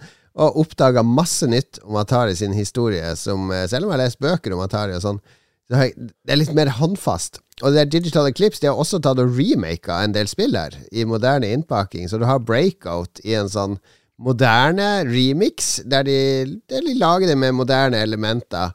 Eh, flere spill som har fått den behandlinga, Asteroids og Lunar Lander, det har de miksa sammen til ett spill. Så først er du oppe og skyter med asteroider, og så skal du ned og lande. Og jeg syns det var helt fantastisk. Altså, jeg, jeg, så, jeg ble så glad av å drive og leke med her, og jeg har så vidt begynt å skrape overflata på, på de spillene som er inni der. For veldig ofte med sånne retropakker så blir det sånn Jeg starter det spillet, og så prøvde det i ett minutt. Så, det var sånn det var. Og så starter du noe nytt. Mens her eh, Det er sikkert mange spill som blir sånn her òg, men det, det er et eller annet med konteksten og innpakninga her som er skikkelig sånn luksuriøst. Dette er eh, noe som tar spillene på alvor, og spillhistorien på alvor. Ja. Jeg tipper det kommer noen patcher, fordi masse av de spillene, hvert fall da jeg prøvde de på PlayStation 5, da låses de, spesielt Atari 2600-spillene. Hvis du liksom fullfører et brett, så bare stopper alt opp, så må du bare gå ut. Du trenger ikke skru av hele maskinen, heldigvis, men eh, da må du bare gå ut og restarte ting. Men det, det viser jo det vi har mistenkt lenge, at Atari 2600 eh, utrolig mye dårlig spill. Eh, folk visste ikke bedre den gang. Syns eh, Combat var helt fantastisk. Eh, akkurat det funker jo for så vidt. Men eh, det er jo mange spill som er veldig gøy. Jeg spilte en del Yars Revenge, måtte jeg jo sette meg inn i. Ganske fascinerende eh, spill fremdeles. Med Ja. Måten du må liksom skyte hull i barrieren til en boss. Så har du sånne sånn der strøm av noen sånne rare greier, en sånt skjold du kan gå og gjemme deg bak. Og så når du liksom har fått ned skjoldet til fienden, så må du lade opp en sånn svær kanon som kan true med å skyte deg sjøl hvis du ikke er kjapp til å komme deg unna. Veldig mye sånne rare ting som du ikke ser noe lignende av i dag, syns jeg. De her Digital Eclipse de lagde jo også en SNK uh, 40th Anniversary Collection i 2019, som også var veldig, en veldig bra samling av SNK-spill, men det her er liksom next level, så jeg håper disse Kanskje disse Digital Eclipse spesialiserer seg på uh, å lage disse museumspakkene av gamle spill, og gi dem den behandlinga de fortjener. Det er ikke bare å dumpe en masse roms ned i en directory, altså her, bare spill. Men gi det i kontekst, og, og gi, gi spillerne en opplevelse av å være på museum. Det håper jeg de fortsetter med. Ja, jeg anbefaler. Det Det er ikke så veldig dyrt heller. Toucha de innom den Atari Mindlink som de prøvde seg på en periode der? Ja, det er en del av de eksperimentelle fra 70-tallet der med Simon Cess og de tingene der. De hadde flere som var på prototypestadiet. Det var et par de Ja. nevner der, men jeg husker ikke om akkurat den var med. Nei, jeg Jeg husker, husker sånn å Alan Alda drev fra Mash drev og reklamerte for Atari Mind Link. You can control it with your mind. Så var det sånn der, som bare egentlig bare registrerte muskelbevegelser i panna, så du fikk en migrene av å holde på det. Men det var solgt inn typisk sånn der annonse i baksiden av Spiderman-blader og sånn. var, de var helt sjuke selgere, fordi de Ja. hadde liksom eh, eh, eh, Breakout lagde de Jeg tror det var Breakout eller så var det Pong. De lagde en sånn versjon til venteværelse på legekontoret hos barnelegen. Med en sånn egen kasse som var sånn barnevennlig. og sånn Se, her kan eh, barna være opptatt mens de venter på legetimen. og sånn De lagde sånne spesialversjoner til alle mulige scenarioer. Eh, masse av det floppa jo, men de var utrolig aggressive på uh, De var, også sjukt gode å hype Atari Jaguar i de her PC, de gamle bladene, de databladene. For jeg, jeg hadde så lyst på en Atari Og Jaguar. der, der endte jeg opp med å spille mye Tempest 2000, for jeg, jeg måtte da- dabbe inn der og se om Jeff Minter-spillet fortsatt var der. Og det, jeg, jeg satt en halvtime på Steamdekken med Tempest 2000. Det var, var akkurat som i, på 90-tallet, når jeg kjøpte det på PC. Til og med et par Atari eh, Lynx-spill der, men ingen av de, eh, de skikkelig gode, sånn som jeg husker det, i hvert fall. Men det er veldig bra. Sykt bra samling. Jeg håper de gjør noe sånt med Commodore. Det hadde vært veldig gøy. Ja, Ja, dem eh, det jeg har spilt mest siste uka, kan jeg si, er Marvel Snap. Det er, akkurat nå er det verdens beste mobilspill, så det er bare å kaste seg på. Jeg tror vi har lyttebidrag òg som uh, sier, uh, sier det. Uh, det er fyren bak Heartstone som har laga, det er verdens enkleste kortspill, for det er bare seks runder. Og så er det over. Og når du skal bilde dekk, så tror jeg det er eh, vel 14 Maks 14 eller 16 kort du skal ha i den dekken din. Eh, så det er dritenkelt å bygge dekk òg. Altså bare bytte ut tre kort, så har du laga en helt ny meta-variant, ikke sant. Kan jeg lage en sick Wolverine-dekk hvis jeg vil det? Ja, du kan lage en dekk med bare Wolverine, men konseptet er sånn at i runde én så har du bare én power, ikke sant. Så da kan du bare legge ut kort som koster én power. Og så i runde to har du to power, og så i runde seks har du seks power. Så du bør jo ha for eksempel tre eh, enerkort, tre toerkort, og så resten kanskje tre eh, To treerkort, to firerkort, to femmerkort, to sekserkort. Så at du ikke risikerer å få en masse kort du ikke får lagt ut de første rundene. Ja, det Eh, er jo litt sånn som i halvstad òg, du må ha spread. Ja, du må ha litt spread. Og så er det bare seks runder, og det er så enkelt, men samtidig så komplekst. Altså, du føler deg så smart når du klarer å vinne to av de områdene i siste runde, for det er så er litt sånn der Hvis han legger hulken der nå, og jeg legger han på samme sted, så taper jeg. Men jeg kan legge han der. Det er forutsatt at han ikke beskytter den med et lavt kort, og kjører et midkort der. Altså, når du klarer å, å outguesse motstanderen din, og tar kontroll Åh, det er så fint. Og hver runde varer tre, fire, fem minutter. Det er sånn dasspill, ikke sant? Ta en runde på dass. Vi sitter lenge på dass, da. Det kan jeg love deg. Og så har du spilt et veldig storspill, men vi kan jo la um, Før du går liksom på årets trippel A-ting, høstens trippel A-ting Spilte du noen andre greier enn uh, snusmumrikken i USA, David? Ja, det gjorde jeg faktisk. Jeg, jeg, som sagt skulle jeg gjerne ønske at jeg hadde mer tid til å, å teste ut, for det var høyt nivå. Altså, det var, det var utrolig interessant det jeg så. Men ett spill jeg faktisk fikk spille i eh, ti minutters demo før den reboota, det var et spill som het Wrestle Quest. Og det var, eh, ja, var Jeg falt for det fordi at uh, jeg er jo fan av gammel uh, 80-talls VVE, eller WWF som det til og med het. Jeg fulgte det i min barndom med, med old school uh, pro wrestling. Og det her var sånn Fyren kom bort og sa sånn Hei, liker du eh, wrestling? Ja. Liker du RPG? Ja. Wrestle Quest. Altså bare kom bort her. Og det er den korteste pitchen jeg noen gang har vært. eh, og det var som en gang han sa Wrestle Quest, eh, wrestling RPG, så skjønte jeg med en gang eh, hva det skulle være, og det var akkurat det. Det er ikke ute ennå, men det var um, Ja, det, det ser det er, det er sånn herlig altså Det har gått litt sånn inflasjon i sånn retro pixel art-estetikk, eh, kan man jo si, men det her føler jeg nailer den. Det er akkurat som du håper at et wrestling-RPG-spill fra 80-tallet ville sett ut hvis det hadde kunnet. Uh, så det var en en stor opplevelse der borte. Det er uh, ikke ute ennå, men du kan wishliste det på Steam og se trailer. Jeg har wishlista det, så det var, var god, god butikk at han catcha deg inn og fikk deg til å, å teste det spillet, David. Nå tror jeg ikke det renner inn med wishlist fra våre lyttere. Jeg har spilt et gammelt dritspill, eh, Lars. Det er ikke et nytt spill. Fordi jeg har ikke spilt det Å, ja. første God of War fra Ah. 2018 ennå. Det det begynte jeg på da det kom, men det var jo på PlayStation 4. Og min PlayStation 4 da, det var sånn jumbojet PlayStation 4. Det var som å skru på fire støvsugere samtidig når du satt og spilte. Nei, Så når ungene og sånn har lagt seg på kvelden, og jeg skulle prøve å spille litt God of War, så må jeg ha lyden så lavt på TV-en at uh, du hører ingenting. Du hører bare det derre Og så noe sånn der Boy! Boy! så jeg orka ikke å spille det, det ble ikke så god opplevelse.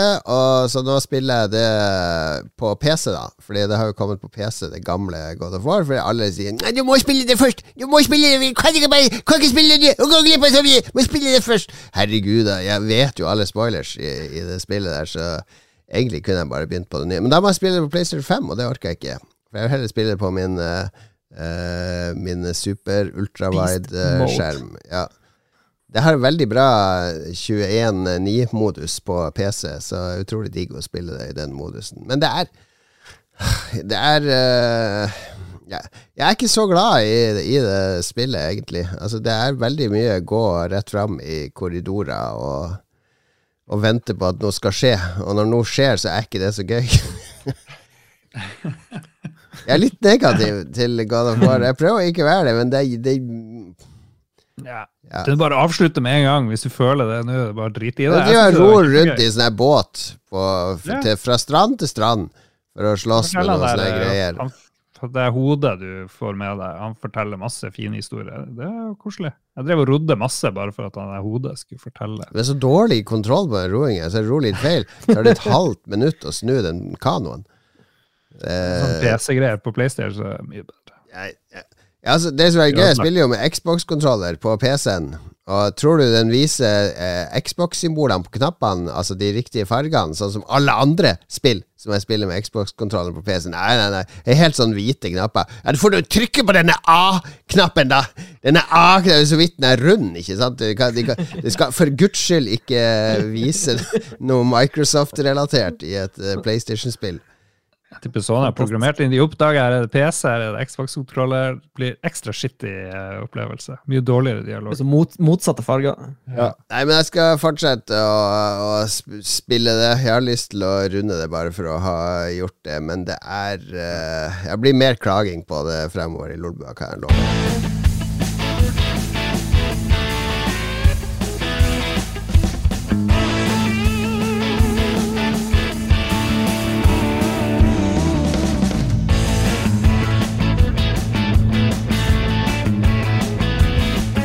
Sånn her hørtes det ut i 2002 når du fyrte opp uh, iCarly på uh, PC CD-rom. Spillet basert på den populære barneserien. Jeg hadde fem minutter på meg til å samle musikk før episoden. For jeg, var- jeg jobbet over. Ingen som har hørt det der musikken. Det var morsomt. Ah. Ok, vi har lytterspalte. Du har annonsert at vi har uh, en eh, celeber gjest i dag, og det har engasjert litt, Lars. Absolutt. Og for å få sånn eh, Jeg var så fornøyd med, med lytterspalten sist, så jeg ga folk to sjanser til å komme med, med ting. Så det er faktisk to tråder her. Oi. Eh, men med et overkommelig antall eh, bidrag. Virker som folk har skjerpet seg litt. Først så har vi han Per Søvik, som vil at vi skal ta stilling til om Atle Antonsen er rasist, som hun eh, der eh, Laila et eller annet skrev på sine fake trusselbrev. Eh, er Atle Antonsen rasist? Tja, han var i hvert fall full. Tror jeg vi kan slå fast. ikke helt lur i fylla. Var kanskje rasist. Hvem vet? Jeg vet ikke, jeg kjenner ikke Atle Antonsen. Kjenner du han, David? Nei, det gjør jeg ikke. Men uh, jeg uh, tenkte jo at det her kom til å bli nevnt i spalta, så jeg, jeg sjekka rett før jeg gikk på, så hadde han gått ut i, i VG eller, og, og beklaga seg, da, istedenfor å nekte for det. Så hadde han sagt sånn, Mm. bare lagt seg langflat og sa vel mer eller mindre Jeg sa de tingene, det er helt idiotisk, jeg må revurdere mitt forhold forhold til drikking. Så, for, for jeg tenker sånn der, Når det er sånn derre altså Internett-lynsjmobben hiver seg ganske fort på hvis det er en anklage om at noen i en viss posisjon har oppført seg dårlig. Og da pleier jeg å prøve å vente et døgn eller to før jeg uttaler meg, fordi at det klør i fingrene etter å synes noe. Og Mm. plutselig to dager senere så kommer en annen side av historien fram, og så Oi, det var mer til det her. Men det virker, virker som at Atle Antonsen var bare sånn Yes, sorry, alt stemmer. Jeg var en idiot, jeg må revurdere mitt forhold til drikking. Ja. Jeg tror ikke det er første gang det har skjedd med Atle, fordi han har, eh, han har nok noen demoner som blir han av og til, har jeg fått inntrykk av. Uh, fra det jeg har hørt. Han, han la ut et innlegg på Facebook nå i ettermiddag, det er det VG siterer. Ja, uh, Og, da, det er litt sånn eh, krisemanagement. Jeg tror han blir eh, råd, får litt rådgivning rundt det. For han har jo visst om det i flere uker, at det kommer den politianmeldelsen. De har jo gjennomført uh, avhør og, av vitner og alt mulig. Så den er jo, de er ferdig med å etterforske det og har levert videre til statsadvokaten. Så han er nok forberedt på denne shitstormen som uh, kommer.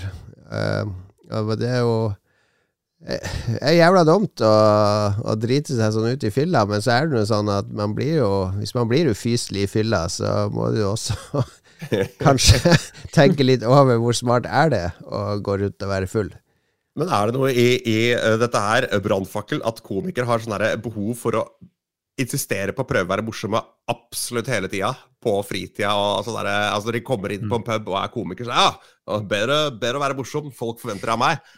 Spøke litt med rasisme, kanskje, hvem vet om det Jeg har, jeg har, et, jeg har et enormt konsept. Eh, alle de komikerne kan lage sånn hemmelig fight club, hvor de, sånn, hvor de er, prøver å være mest edgy, men i et lukka rom med bare andre komikere. Men, men det gjør de jo. Ja, de Det er jo det. greia. Men Ah, ja, det, er, det er der du må holde det, da. Ja, det, det, er, det, det er jo vår hyttetur, Mats. Det er jo Ja, et sånt trenger rom, ikke ikke ja.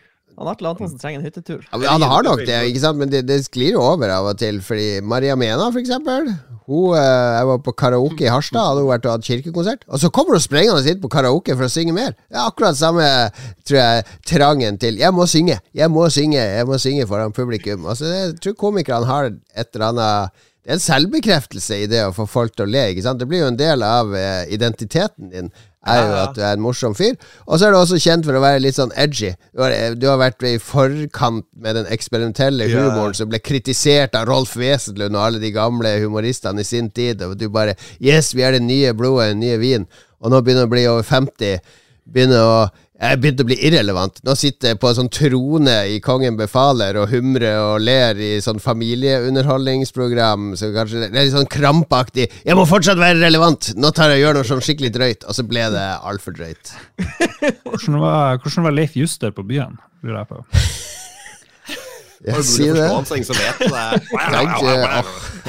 Du hva, David, her var en god idé. Jeg tror du, du burde lage en eh, du, har, du er sånn høy, ikke sant? Du, Ja, du kan være litt sånn Leif Juster. Lag sånn Hvis Leif Juster hadde vært eh, på TikTok, Ja. hvordan hadde Leif Juster sin TikTok-konto vært? Altså, det der pølsemakerbiten Ja, tror Ja, jeg det er pølsemaker, hvordan du gjør det? Mot normalt! Ja, det her er gull. Det er gull-TikTok. Ja, det er det. Jeg hadde lyst, jeg hadde lyst til å lage en sånn der um, pitch der film som selvfølgelig ikke ble noe av, og som var liksom Leif Juster og Wenche Foss og hele den der gode gjengen in their prime, som en slags sånn eh, superheltgjeng. Men det var eh, Jeg hadde vel ikke mer kjøtt på beinet. Her har vi en. Roffelbua-episode, Lars, der Leif Juster og Karsten Byring og Wenche Foss lager podkast sammen. Så må vi i hele Roffelbua snakke som om vi er de. Ja, vi mister alle Patriot en gang? All right. Uh, uh, um, nei, men eh, takk for det, Per Søvik. Han Håkon Puntervall har en bra innspill. Hvis vi eh, andre skulle vært med i David Skaufjord, forklare alt, hva skulle vi ha snakka om? Og um, ja, jeg, tror- jeg syns det er veldig lett å svare på vegne av alle andre. Det, Mats har måttet snakke om uh, Sportsskyting. Jeg kan, jeg kan snakke om hvordan overleve raids i Escape on Tarkov. Ja, Det blir veldig smal, det blir veldig smal episode. Ja, dynamisk sportsskyting. Det, det, er, det går an å snakke om. Um, Prepping. Men du har liksom ikke gått helt nok Nei, inn i prepping. jeg kunne ikke snakka så mye der. Ja. Det er som måtte vi hatt med Carl Thomas eller noe sånt, tror jeg. Ja. ja, En duo med deg og Carl Thomas. Ja. Eh, Jon Cato, eh, lederstil post metoo. Eh, Jeg kan, jeg kan ingenting om det. ja, nei, det måtte jo vært noe spillehistorie, da. Jeg vet ikke. Nå tar jeg jeg veldig ord i munnen på dere. Ja, det er jo spillehistorie jeg kan, eller Commodore 64 for eksempel, så det, det hadde vært innafor komfortsona. Om noen år kanskje Eurovision kan jeg stille som Altså en sånn ikke-homofil mann som er ekspert på Eurovision. Det er ikke så mange av. Jesus. ok. Også, Ja. også, som også høres litt ut som han Per eh, Hva heter han? Per Sundnes? Ja, Både Per Sundnes og han der gamle han. Jostein. Jostein. Ja. Ja. Og jeg, jeg føler ikke meg ekspert på noe som helst, bortsett fra å drive en eh, nettavis og starte opp en. Det, det kan jeg snakke om. Ekspert på oppussing. På oppussing. Du, det, det kunne jeg trenge å snakke om nå. så jeg er midt oppi det kjøret der selv. Du har, eh, du har Siddalsnekkeren, og så har du Lars, som bare er uh, idiotsnekkeren. Som, som får, uh, ja, som får kloakklekkasje og henger persiennen på tvers. Og. Jeg, vil ha, ja, jeg kan ha et sånt oppussingsprogram hvor man bare leier inn alt. Gjør ingenting sjøl. Chilla-snekkeren. ja. Bruker altfor mye penger snekkeren. Ja. Er du på preppekjøret, Mats? Ehm, nei, altså um, Jeg liker konseptet, bortsett fra å, å uh, gjøre alle stegene. Ja. Ja. Jeg gjorde jo alle stegene. Jeg nyt- nyt- nyter prepping på avstand. Ja, ja Ja. det nyttes ofte best på avstand. jeg, jeg gjorde jo en serie om, om prepping som het uh, 'Håndbok til apokalypsen'. Uh, hvor pitchen var sånn Jeg er helt ubrukelig, jeg jobber i liksom, kulturbransjen. Hva, så, hva hadde skjedd hvis det ble krig? Pandemi, miljøkatastrofe etc. Og den lå og murra litt på Storytel og, og ble hørt litt. Og så brøt en viss pandemi ut, og da ble den nummer én. Og da, og da hadde jeg akkurat egentlig tilfeldig flytta hit til Høylandet i Nord-Trøndelag, eh, på gård, hvor jeg bor nå. og blitt tatt jegerprøven, og så har jeg brønn eh, oppi her. Egen brønn. Da er du jo eh, golden. Ja, ja, så jeg var jo plutselig så, så ble jeg nedringt av sånn der Dagsrevyen skulle gjøre på prepping og sånne ting. Og jeg har jo ikke peiling. Nok en gang så gjorde jeg bare daglig skal jeg forklare alt i et annet. Jeg fikk bare masse preppere til å fortelle meg Og det var dødsvanskelig å få tak i preppere, for at én, de vil ikke assosieres med andre preppere. For at du har et visst sånn redneck-stempel på Ja, deg med det, er en gang. det er mye rusk der. Ja, ja, og, og det andre er at sånn, de, det, var, det var det ene, og det andre sa sånn herre Ja, vi vil jo ikke fortelle at vi er preppere, for da kommer jo alle til oss med en gang. eh, Ja, det er derfor Mats er så avvikende, for han har egentlig et gigantisk sånn rom Ja. under kjelleren som han har Ja, ja. innreda. Så det var helt typisk sånn prepperholdning. Du sier noe, nei, jeg har ingenting, vet du. Jeg har ikke, jeg Ja, har ikke nei, gode nei, lager, ikke medisiner. Ja, det, det er det som er mitt svar. Ditt triks, Mats, det er jo fordi du har masse våpen, så du skal jo ta andre folk sine ting. Så du er jo Sånn sett er du jo godt preppa. Han er ikke Ja. prepper, han er er, Ja, ja. det er bra preppestrategi. Mange, mange fasitsvar her. Ja. Noen andre som har lyst til å lese et spørsmål fra oss? Ja, jeg kan uh, dose på her. Han Olav Øyan lurer svært på hva er det beste toalettpapiret. Alt er miljøvennlig og hardt bak. Uh, Mm. han, vil ha, han vil ha finesse og silkemykhet for den moderne mann. Ah, ja. Jeg, tror, jeg tror svaret her er bare å kjøpe det dyre toalettpapiret. Det som har sånne tre lag og koster 1000 kroner per meter. Det når du bæsjer på plattform, da. De, de har ikke sånn der helt luksuspapir der. Helt forferdelig. Nei. Så hjemme har jeg luksus, på jobb har jeg forferdelig Du har sånn der spyle anus, eh, men den virker kanskje ikke, den dassen nå, Lars. Marerittpapir. Det funker. Det spylte meg senest i dag eh, bak, så det er det er ikke sånn Ah, silkemykt. Det kommer jo det er jo- ganske in det invasive stråle. Ja, altså Det fasitsvaret er jo Lars sin dass som kan spyle det. I. Mm. Jeg har aldri prøvd sånn, jeg nekter å tro at det blir ordentlig rent. Du, er den for varm eller for kald, eller er den sånn perfekt temperert idet du trykker på Faktisk ganske OK temperert. Du kan stille temperaturen, eh, men Ja. den forandrer seg litt. Den er kanskje litt kald, og så blir den sånn behagelig. Det, det blir litt sånn whoop, og så, så blir det bra. du, du stenger av før du åpner opp, på en måte? Ja, du må, er sånn, jeg vet ikke, jeg føler anus er litt sånn Nå er jeg litt sjenert, andre ganger så er det bare sånn Jesus, nå kom det litt, kom det litt mye vann, liksom. Liksom på dagsformen. Eh, Ja. Jeg tror at det beste toalettredskapet man kan få tak i, er det der eh, Three Seashells fra Demolition Man. Som jeg har Ah. lurt hele livet på hvordan funker. Det er jo eh, Ja. store store spørsmålet fra den filmen der, hvor uh, Sylvester Stallone går på dass og finner ikke ut åssen de der uh, kamskjellene eller hva det er, fungerer til å tørke seg bak. Og ingen vil si det, for det er så pinlig å snakke om. Hvor det er sånn derre maskin på veggen som gir deg bøter hvis du banner, så han bare banner masse, og så får han masse papir som han går inn på dass med. Men hadde man bare funnet ut hvordan de tre skjellene funka, så tror jeg det er svaret der, altså. Ja. Men Jon Cato, du tror man ikke blir ren av vann. Når du har skjetna det til på hendene, står du og tørker med papir for å få avskitt, skitten, eller vasker du de med vann? Jeg vasker, men da er det jo en del friksjon involvert ved at jeg gnir hendene. Jeg står jo ikke med én hånd under vannstrålen og sånn. Nå blir den handa rein. Men Poenget er at du blir spylt, strålen kan bevege seg litt, og så kommer du med papir. Tar du liksom det, Sjekker du, er det rent, er det ikke rent? Det er jo sånn du gjør med hendene. Du må supplere med papir. Ja, men med sånn hendene så gnir jeg dem de mot hverandre for å gni skiten løs. Ja, ja, men Mens du jeg får vasker. jo Jeg, jeg, det skal få prøve den Du kan dassen en eller annen gang. Hvis du absolutt vil. Du kan bruke papir eller fingrene. Ja, ja Nei. eh, jeg, jeg bruker whatever papir. Jeg merker ikke så mye forskjell på det. Jeg syns sånn mykt papir kan være litt for bløtt, rett og slett. Jeg, jeg er fasiten her, folkens. Det beste toalettpapiret det kjøper vi på Felleskjøpet. Oi. For da får du sånn der bulk. eh, enorme mengder for å lave penger. Også beste sted å kjøpe oppvaskkost. Jeg kjøpte oppvaskkost for fem kroner på Felleskjøpet. Jeg har holdt meg i to-tre år, mens de andre bare Akkurat som lyspærer. De slutter å funke mye tidligere enn de trenger, bare for at det er sånn har her har vi litt life hack, Men folkens. bøndene, bøndene, de vet, vet du. Og det er Felleskjøpet. Og det verste du får tak i, er det der bedritne toalettpapiret som eh, sånne femteklassinger går rundt og selger når de skal ha skoletur. For at da kjøper de en sånn billig ræl. eh, altså lavest mulig eh, innkjøpspris. Det er helt greit. utsalg. Altså Det verste, David, det er sånn der eh, eh, spøk-toalettpapir som du får kjøpt på morobutikk. For det husker jeg på hyttetur nå. Det var det mange som hadde 50-årsdag. Husker det, Lars og Mats? Og så var det en som hadde med seg sånne toalettruller med sånn der 50-skilt på. eh, Som han hang opp på alle doene. Og jeg prøvde å tørke meg med det papiret. Det var som å tørke seg med gråpapir. Altså Det, det, er, det er det verste dopapiret jeg noen gang har prøvd. Sånn humordopapir. Det ble fort ta- bytta ut med vanlig dopapir. All right. Skal vi se. Han Sten Tony, hva Sten Tony? Sten er! Han lurer på om det er greit å pynte til jul nå. Ja, Nå må vi ha sånn som Fredagsrådet på NRK morgenradio, for det de liksom panel. Så han, Stein Tony spør Er det greit å pynte til jul nå, og så må han svare ja eller nei. Mats. Nei. Eh, David. Ja. Eh, Lars. Selvfølgelig. Eh, og jeg svarer også ja. Ja. Hvorfor så negativ, Mats? Er du han som sitter på Facebook? Å, herregud, nå er julelysene oppe, og det er knapt blitt november!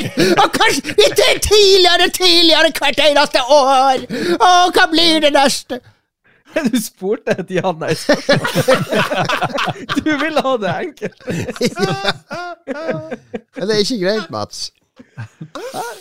Ja, nei, jeg syns det er tidlig. Ja, ja. Enkelt og greit. Mm. Det, er, det er greit. Det er ok. Jeg klarte jo å hive opp juletreet. Go. Du har vel ikke tatt ned juletreet etter at jeg pynta til jul hos deg for flere år siden, Lars, når jeg og min kone var på besøk og kjøpte inn julepynt til deg? Jeg skal innrømme at juletre, da jeg hadde ekte juletre, de kunne, de kunne stå veldig lenge og kunne stå på verandaen enda lenger. Så det har du rett i. Men nå er det plast, sånn stort plastjuletre. Thank you, veldig spennende. Uh, bl- gløgg eller toddy, jeg vet ikke. Er det noen som er interessert i det? Hva er forskjellen? Er det noe sånn Det ene er full av jeg er det det rosiner og dritt, og det andre er Karlsen, du må forklare oss hva gløgg eh, versus toddy er, for det, det vet jeg ikke. Det er for veldig forvirra. Eh, Carl Varm solbærsaft. Ja, det er det kanskje. ja, Å, ja, det er det, Karen. ja, Men gløgg er jo også en slags saft for det. Ja. Ja. Mm, Jeg sier okay. gløgg. Vi kan ikke snakke om gløgg og sånt. Eh, Carl Er det for tidlig? Ja, det er for tidlig. Men ja, nå fikk man der, eh, Lars. Carl Thomas lurer på to ting. Trenger vi mer Marvel Snap-innhold? Eh, eller han vil ha det? Han vil ha, me han vil ha mer. Han vil ha meta. Han vil Ja. ha Hvorfor er Vulture slash Movedex egentlig så himla tilfredsstillende? Han er hekta. Det er det første han spør om, fordi endelig er det noen som min Marvel Snap-forkynning i forrige episode. Jeg skjønner, Det er noen som hører og tester, og jeg må innrømme det tok meg en halvtime med Marvel Snap før jeg liksom Nå spiller jeg det hele tida. Altså, på senga, eh, på morgenen, på do, tar en runde. Så Carl Thomas er tydeligvis i samme båt.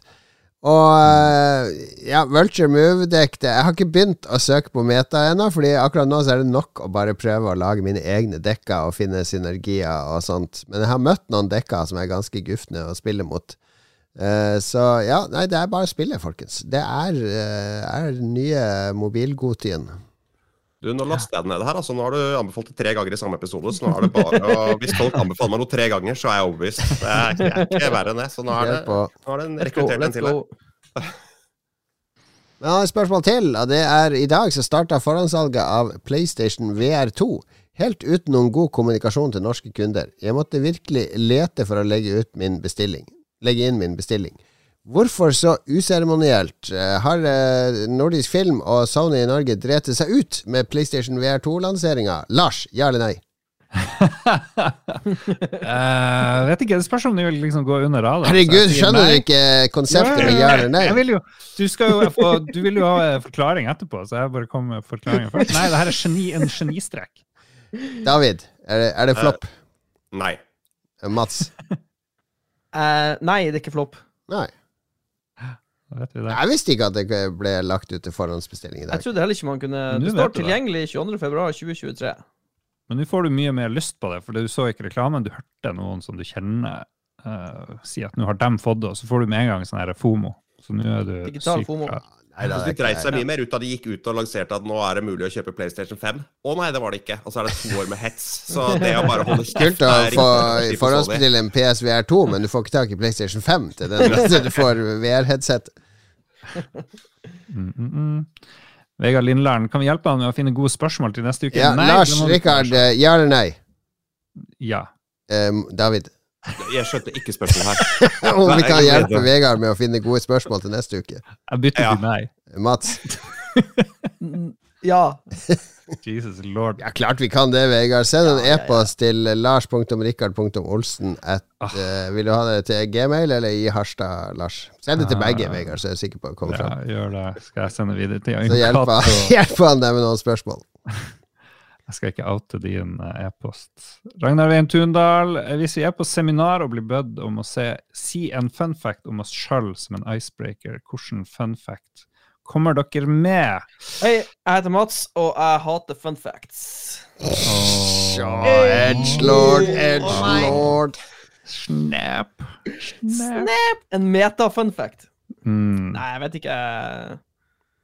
Jeg har ikke en, jeg har ikke en fun fact. Du har jo alle har en fun fact. Jo, men bare... jeg på nå er det fun eller ikke? Fordi det er mange facts jeg kan komme med. Hva er det som definerer den? Jeg kan eksempel si ja, jeg heter Jon Cato, og jeg studerte på har- å, jeg har en fun fact! Ok, Jeg har en fun fact. Jeg har en fun fact. En veldig bra en. Jeg, sk jeg skrev streken i ø-en feil helt til jeg var sånn 17 år gammel. jeg skrev den feil vei. Ja. Det tok dritlang tid før jeg skjønte det. Det var litt fun fact, da. Ja, det, Det, jeg har hatt den tidligere, men ja, ja, det er en fun fact. Det er en bra icebreaker. Mm. det, Ja. det kan du ha. Ja, men jeg, jeg, fordi, hvis, hvis det hadde vært sånn at alle skulle levere fun facts hele tida, som forskjellige, så hadde jeg begynt å tenke hva, nå må jeg eksperimentere litt med hva er fun. Jeg kunne eksempel si at jeg var 26 år, så sykla jeg på ei gammel dame, så hun falt og brakk lårhalsen og havna på sjukehus i flere måneder. Jesus. Det er fun! Det er fun! I den rette settinga så kan det kanskje være en fun fact. Hvis det er Atle Antonsen som spør, så bare Var hun norsk, eller?! Kommer opp til å Når hun spørre blir bedt om å fortelle fun facts, så sier jeg du, nå skal du høre. Da jeg var 70, så, så ble jeg kjørt på en 26 år gammel fyr. Ble liggende på sjukehuset, kraniebrudd. Det er fun. Nei, det er ikke så fun fact. Jeg, jeg bruker å si at jeg har eh, vært skuespiller i Hotell Cæsar. Hvis det Nei, er det er jeg òg. Mm. Ja, nettopp. ja, det, ja, det er fun fact. Eh, eller hvis det er en i spillmiljøet, at uh, Shigeru Miyamoto åpna døra for meg en gang når jeg skulle bærte masse mat fra, på grillfest. Uh, jeg, ja. Det er ikke så fun. Jeg, eh, skal en fun fact få folk til å le, eller skal det bare være en, en Skal de bli imponert? Jeg tror det skal være en icebreaker i dette tilfellet. Det skal bare Ja. Det skal være en Skal- conversation starter. ja ja, vi har kjørt på den der brekke lårhalsen på hun dama. Ja, for da kommer, det opp, da kommer det oppfølgingsspørsmål. Da er du i gang. Lars, da? En fun fact om det?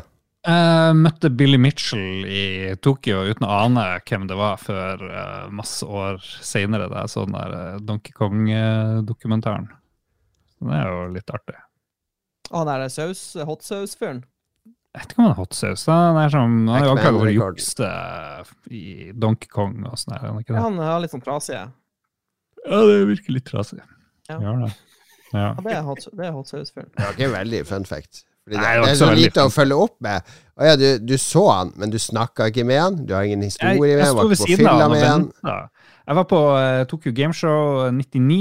Uh, sto og hang der Uh, og bare, Jeg visste ikke hvem han var i det hele Jeg tror tatt. jeg Eh, vi blander bare og sånn, hei, og så sto jeg der og lukka, og så gikk jeg bare. jeg trodde han bare var en vanlig fyr, liksom. Men Yes, var jo det var den conversation starteren. Ja, jeg syns det var litt fun. Du er full av fun facts, eh, David. Du har gjort så mye rart. Jeg, jeg, kan jo ta, jeg har vært med på en Guinness-rekord da jeg var seks år. Verdens lengste tegning i Mandal i 1986. Nei, Nå snakker vi. og det ble konka ut, jeg tror, i løpet av året. Det var, det var, de hadde bare lagt ut masse papir, og så tegna jeg eller krusedull der. Sammen med sånn par tusen andre. Ja. Nå snakker vi Guinness! Nå gjorde jeg en litt mindre fan. Guinness i noen måneder. Ja. Ja. Nei, men da går vi videre, folk. Det morsomste var at den der lårhalsen ble det morsomste av hele ja, faktisk. Ja, ja, ja. jeg tror det var sånn personlig smerte. Eh, Jeg tror jeg heller går for at jeg har hatt da jeg var liten, så hadde jeg masse urinveisinfeksjon. Jeg tror jeg går for den, da, siden det er sånn helse mye morsommere. ja, da, eh, da har vi fasiten. Ja. Mm. right. Han, eh, og vi har en siste, siden vi har sånn toparter, så det, han Stian Mæland blir siste på del én. Han lurer på hvilket spill og film har skuffa mest i år, og hvilket spill og film har overraska. Mm. Jesus.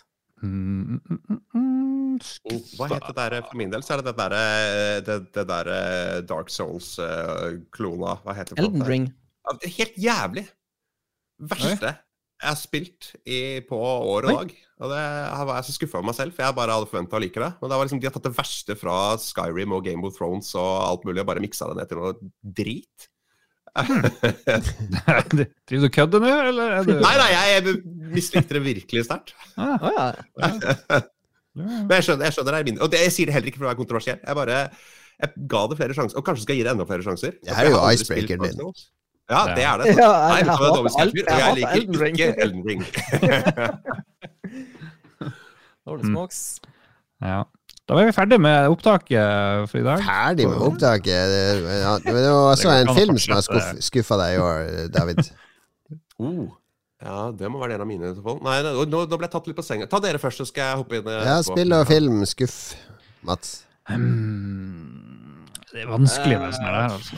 Nei, jeg kommer er på ting som har skuffa uh, Jeg drev i gang eh, Tactics Ogre, Reborn. Reborn. Tror ikke jeg gidder å spille mer enn uh, bitte, bitte litt, altså. Åtte affinities til elementer. Uh, alle kan bytte klasser hele tida. Du kan levele opp altfor mye ting. Det er verdens lengste historie med masse navn jeg ikke klarer å huske. Jeg tror Tactics Ogre Battlefield eh, 2042 skuffa. Oi, så Men der, det, ja. det var egentlig forventa å skuffe, men det skuffa likevel. På tross av at jeg var forventa å bli skuffa, så ble jeg skuffa. Så det var ekstra dårlig. Mm -hmm. Ja. Jeg har, jeg har sett så lite filmer, men eh, Fuck det spørsmålet der. Altså. Ja, det, det krever masse research på forhånd. Ja, du må gå gjennom hva som har kommet i år. Og, ja. Det, er det som er greia nå, er at eh, jeg føler at det, man ser ikke ferdig noe som skuffer en. Hvis du ikke liker det på Nei, er fordi jeg kan liste opp Jo! ti TV-serier jeg har prøvd å se i år som har skuffa, liksom. Det kan jeg gjøre. Mm. Jeg kom på en film som skuffa. Top The Grey Man med Rayman? superbudsjett. The Grey Man. Hva var det han Det eh, sånn actionfilm med han eh, Ryan? Ryan. Ryan Mhm. Gosling. Ja. Jeg Mhm. trodde den skulle bli ålreit, men det var, det var megaskuff. Det var, det var så slapp action. Ja. Det var, det var elendig lydbilde. Og, ja, nei, var... Jeg så en film nå, jeg så den der Ford versus Ferrari, eller Le Mans 66, Ja. som den heter på norsk. Den ble jeg megaskuffa, fordi jeg, jeg er jo så dum at jeg ofte leser bøkene som filmer er basert på først. Så jeg hadde jo lest den boka som er kjempespennende. Handler om mange mange forskjellige folk som er involvert i dette greia. Og så kommer du og ser det her eh, oppgulpet fra Hollywood, der det handler om to mennesker.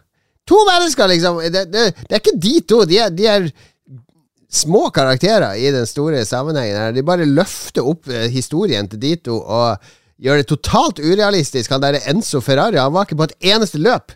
Han- var aldri og så på løp. Nei, han står ringside på Le Mans, og det, jeg ble skikkelig skuffa av den filmen. Det var noe søppel. Les heller boka. Jeg har lyst til å hive på TV-serie som jeg faktisk så lenger enn jeg hadde planlagt, fordi jeg eh, var liksom lojal til Brandon, og det var de to Og jeg tror de kom i år, og det var uh, Boba Fett og uh, For jeg syns Mandalorian var kjempebra, og jeg syns mye av det bedre i Star Wars-universet har kommet de siste årene. Jeg syns at det er uh, kjempemye bra som kommer der, men jeg syns Obi-Wan-serien og Boba Fett var eh, ganske middelmådige affærer. Det var mye som fanservice. Det var bare sånn Ja. Dette er bra fordi at det refererer til noe du har sett før, og derfor skal det på Vi- nå, og vi kommer til dette i anbefalingsspalten nå, så vi må spare litt der. Har vi, har vi, en, vi har en lytterspalte til. Skal vi ha overgang til den? Vi, er, vi hopper rett over. Her er det Det er ting litt mer uh, retta inn mot David, tror jeg. Um, Ja. Ja, ok. Først han uh, Gøran Karlsvik, uh, vår venn. Han vil at vi skal snakke om tegneserieklassikeren Hitler og Trump. Og, eh, og vi har jo tegneseriesjefen her, uh, Right Bias. Det, jeg skulle ønske jeg var god å tegne. Jon Cato, hvorfor lager ikke du tegneserie? Jeg prøvde meg en gang. Jeg drev til og med og sendte dit uh, film og kino, og sånt, for jeg lagde sånn tegneserie om film. Veldig inspirert av Peter Bagg og Christopher Nilsen og sånn, men de, de er heldigvis dypt begrava. Jeg starta tegneseriekarrieren min i film og kino med tegneserier. Nettopp. Nei, men da gikk de for den beste av oss to. Helt gikk for, gikk for den billigste, tror jeg. Ja, nei, jeg, når jeg ser på Jeg husker den ene serien. Det var, det var så dårlig tegna. Herregud. Det var artig poeng, da. Det var det. Ja. Det hadde han fire som satt og diskuterte 2001, og hvor fantastisk Kubrik var. Altså, han ene bare Ok, det er ikke noe artig. Jeg orker ikke. Jeg orker ikke. Jeg skal se om jeg finner, finner den, og så skal jeg kanskje dele med våre patrons og lyttere. Nice. Mm, vi har jo en Hitler og Trump han spurte om. Ja, Hitler og Trump. Ja. Jeg skal, Har skal jeg svare på det? Ja. Det var en tegneserie jeg lagde.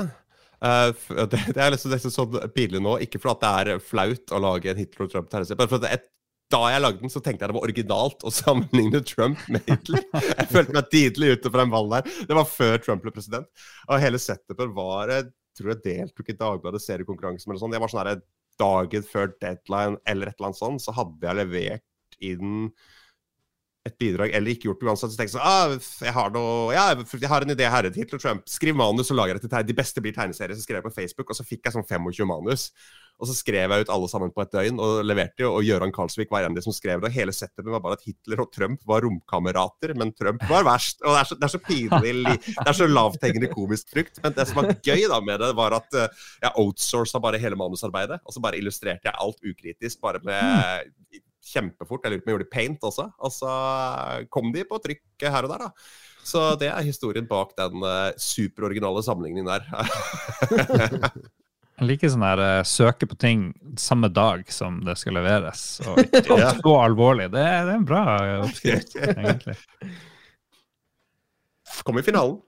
Dagbladet Ja. seriekonkurranse 2016. Det er veldig bra. Skal vi se. Vår venn eh, Otto Erlend Gregersen han vil at vi skal snakke om årets kornavling.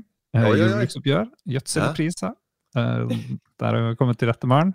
Ja, altså, det er bare bra. Bøndene har ingenting å klage på. Det... Nei, altså Min, min avling var jo uh, upåklagelig. Jeg er økologisk bonde, og jeg har bygg og havre. Og det var bra, bra høst i år, altså. Så ja, så bra. Bra avling. Fikk litt ja, Han, han Otto er litt større bonde, tror jeg, for han driver med traktor og sånne ting. Så han poster en del om eh, jordbruk og sånn, eh, har jeg hørt. Og så er han vel med i podkasten, den derre trønderpodkasten. Som Ja. var med på Tilkast eh, sist vi hadde Tilkast for et par år. Eh, husker dere hva den het? Du, det er han som kaller seg Retrobonden, ikke sant? Ja, jeg tror det. Ja, ja, Vi har samme traktor. Vi har Massey Ferguson, så det er uh, Nice. power. Mm. Og så påstår han at eh, Famicom og Master System er de beste konsollene noensinne, og det skal du få lov å mene. Ja. Helt Ja. greit. Helt greit. Eh, Magnus Eide Sandstad, eh, skal David være konferansier på neste Tiltcast? Diskvalifiserte meg sikkert av det der jeg roasta alle. Da jeg ble bedt om å, å levere en bursdagshilsen til Jon Cato. Tenkte sånn, nå kommer alle til å hylle han, så nå skal jeg roaste han istedenfor. Så tenkte jeg det blir, dårlig. det blir Det er sikkert så cringe for han å sitte og høre på bare hyllester, men så følte jeg sånn Jeg kan ikke bare sitte og roaste Jon Cato, jeg må ta alle! Jeg det. Elsker det. elsker det. Ja, det var en veldig bra hilsen. Det var minneverdig. Nei, men du er jo selvskreven på, som konferansier, hvis det passer, da. Ja, det passer. vet du. Jeg stiller. Svaret er ja. Veldig bra. Veldig bra. Det, må det er bare opp til meg å fikse resten. Det er bare å forlate når du vil, eh, David. Hva skal du med julekortene, Lars, Dra du skulle begynne på? ja. Det er sånn freepass på at vi ha tilkast når jeg Det kommer til Oslo neste gang. Oh. Nice. Espen Bråtnes, eh, UXA-serien til eh, Thomas Seltzer. Er det det? noen som har sett den? Ikke se den nyeste sesongen. Jeg har begynt på den, det virker bra. Og så har jeg også skrevet på julegaveønskelista mi den boka til Seltzer som heter eh, hva er det, Carmageddon Amerika, eller noe sånt. Amerikansk Carmageddon. Mm. Også en fyr som er veldig aktiv på å sammenligne Hitler og Trump på sosiale medier. Absolutt. han òg. Veldig originalt. eh. Late to the party. Vår venn Christian Kjessem han vil at vi skal snakke om Commodore 64. Mm, ja. Du har jo hatt episoder om Commodore 64, og mye SID-musikk og sånt.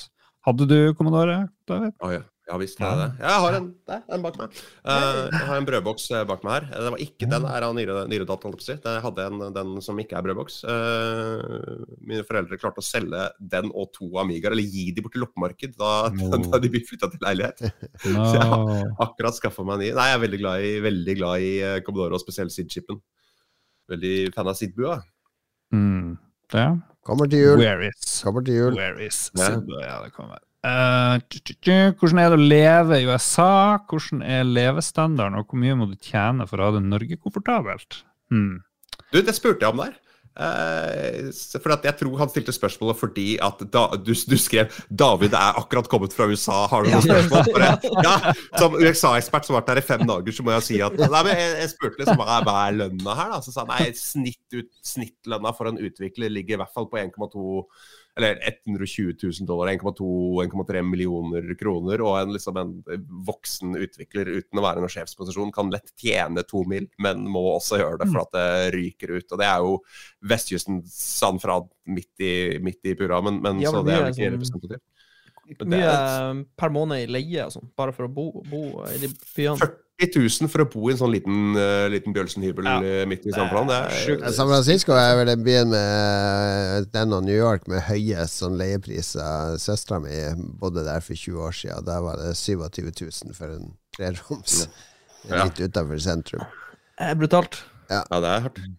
Men man må jo liksom klare seg sjøl. Det er det som er uh, USA. Du er ditt eget sikkerhetsnett og sånn. Ja. Så det er jo ikke uvanlig at oppegående folk uh, mister jobben sin og har ikke klart å spare opp midler, og du havner på gata av den grunn. Det er ikke fordi at du er en alkoholisert narkomisbruker, Nei. men uh, det er ganske mange som har bodd på gata i perioder fordi jeg har vært mista jobben og hadde ikke noen ny jobb å gå til. og New York var første sted jeg noen gang så, så rusfri hjemløse. Som bare var sånn Nei, jeg er gift, har to barn, eh, jobba, hadde fin jobb, mista huset. Jeg tror at Thomas Seltzer snakker om i den dokumentaren sin også. Jeg har ikke sett den, men at han snakker med familien sin som har havna på, på gata. Alle i liksom den gata de bodde i, bare havna under finanskrisa bare i helvete. Og det er jo uh, Ja. jeg tror også, Lord. Og så tror jeg det var mer vanlig i USA å bygge om bilen din, sånn at du kan bo i bilen din, enn det er i Europa, f.eks. Det er ja, ja, ganske mange som gjør det. Uff, uff. USA, altså. Nei, fuck, eh, fuck USA. Ikke flytt dit. Det, Husker Ok. bare alle de her drosjesjåførene vi møter. Ja, i dag nå skal jeg liksom på min tredje jobb. Er- Ja. Det er Uber-sjåførene. Ja, Uber. Alle har faen meg en startup eller en app de skal prøve å prakke på deg. Ja, ja. Du må ikke finne på å snakke om tech bak i Uberen, altså, for da har du faen meg gående. Oh. Og Rebekka Rebecca- Mø mener at vi bør snakke om Lem og hennes åtte år gammel Staffordshire Bull Terrier som heter Artorias. Artorias. Mm. Dark Souls 1 DLC. Og så lagt ved et bilde av hunden. Fin, det veldig fin ørn. Med det sånn her, leketøysulven som heter Sif, som også er en Dark Souls-referanse. Jeg, ser- jeg ser et mønster her. Ja da. Det var veldig søt valp, da.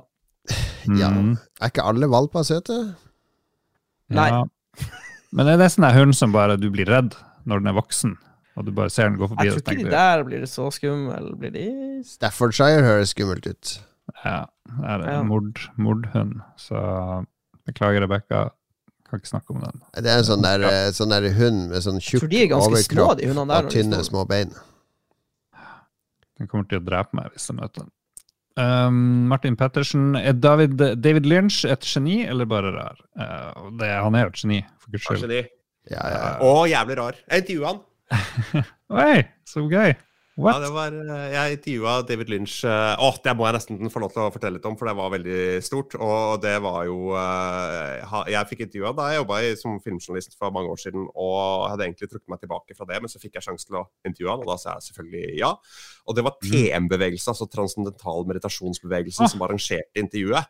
Oh, Og rett før vi går inn, jeg går inn som filmjournalist, så er det bare sånn jeg, Ikke still spørsmål om film, og helst ikke om Twin Peaks. Eh, ok, det var alle spørsmålene mine. Men så går de TM-folka inn og ut. Det var jævlig rart, for at David Lynch satt der på et rom på Grand Hotel med sånne svære røde gardiner bak seg. Satt helt stoisk. Og så var det meg og en eh, journalist fra Rushprint som han la sitt hat på. Da, for at han bare stilte bare tekniske spørsmål. og jeg hadde akkurat jeg visste at David Lynch likte ikke tekniske spørsmål. Så med en gang han stilte sånn derre Hva slags linse foretrekker du, eller kan du fortelle om eh, Mm. hvordan du strukturerer opptakene? Eller så var det helt så bare så, så David Lynch reagerte bare ved å smile, se på han og ikke svare. Helt til det kom et nytt spørsmål.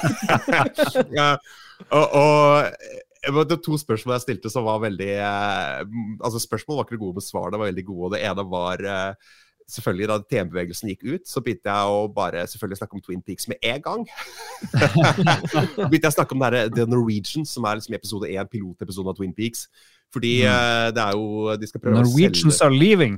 The Norwegians are leaving, er nettopp. Og så sa jeg sånn ja, Norwegian, og Sånn var det jeg kom inn på det. Det var uh, TM-bevegelsen de gikk ut av rommet, og så sa jeg oh, the Norwegians are leaving. Og så tok han den. Yes! Og så begynte han å snakke om det. Og så, og så begynte vi, og da var det ikke meg som hadde stilt et Twin Peaks-spørsmål. Da var det han som begynte å snakke om Twin Peaks, og da var det greit. Og det han sa, var at han, så begynte han å hisse seg opp, da. Og så sier sånn herre Ja, ja, store, de skulle være med, og de skulle kjøpe det hotellet, og det, det skulle bli så stort, det skulle bli enormt. Det var masse historier med de nord nordmennene og- som gikk i takt og snakka.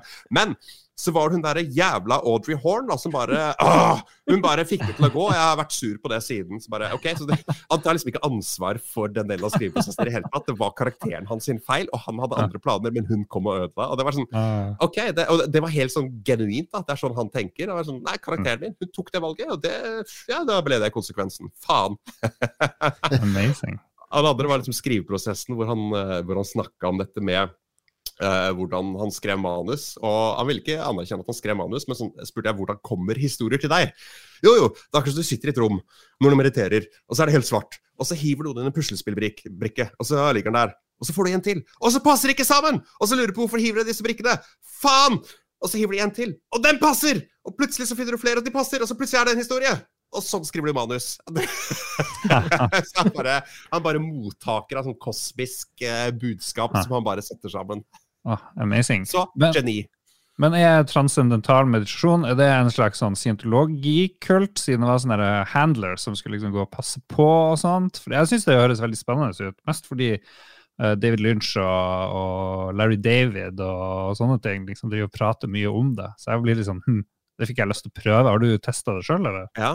Jeg, og jeg var med, altså, er, svaret er ja og ja, og, og nei og ja. Det er, alle sånne ting har jo en tendens til å bli en kult. Og meditasjonsteknikken i seg selv er jo ikke religiøs. Den er gå ut på mantra. Du skal bare rett og slett gjenta et mantra, fokusere på pusten, og da anerkjenne at tanker kommer og går, og det skal du liksom bare la de gjøre, helt til de plutselig ikke gjør det. Og med en gang du mister liksom fokus, skal du gå tilbake til livlinjen din, som er det mantraet. Så, så teknikken er liksom tusenvis av år gammel. Men, men TM-bevegelsen de har jo sånn viss sånn religiøs uh, altså De har vel en sånn hinduistisk uh, åh, Nå er jeg litt ute på dypt vann her, men jeg tror det er en hinduistisk uh, backdrop på en eller annen måte. Det blir fort et sånn spirituelt element og nivå til det greiene der. Du hadde en parallell som var i Norge som starta på 70-tallet, som het AKEM, som skulle være en ikke-religiøs meditasjonsbevegelse for de som ønska å slappe av og, og jobbe med seg selv uten å bli religiøse, og de blir jo selvfølgelig kristenkonservative, da. Som Oh no, it happened! ja, eh, så, så, men teknikken er fin. Men det er kanskje sånn, lær deg teknikken og ikke Mm. betal 10% av pengene til guruen deres. Ja. Det høres ut som et godt tips.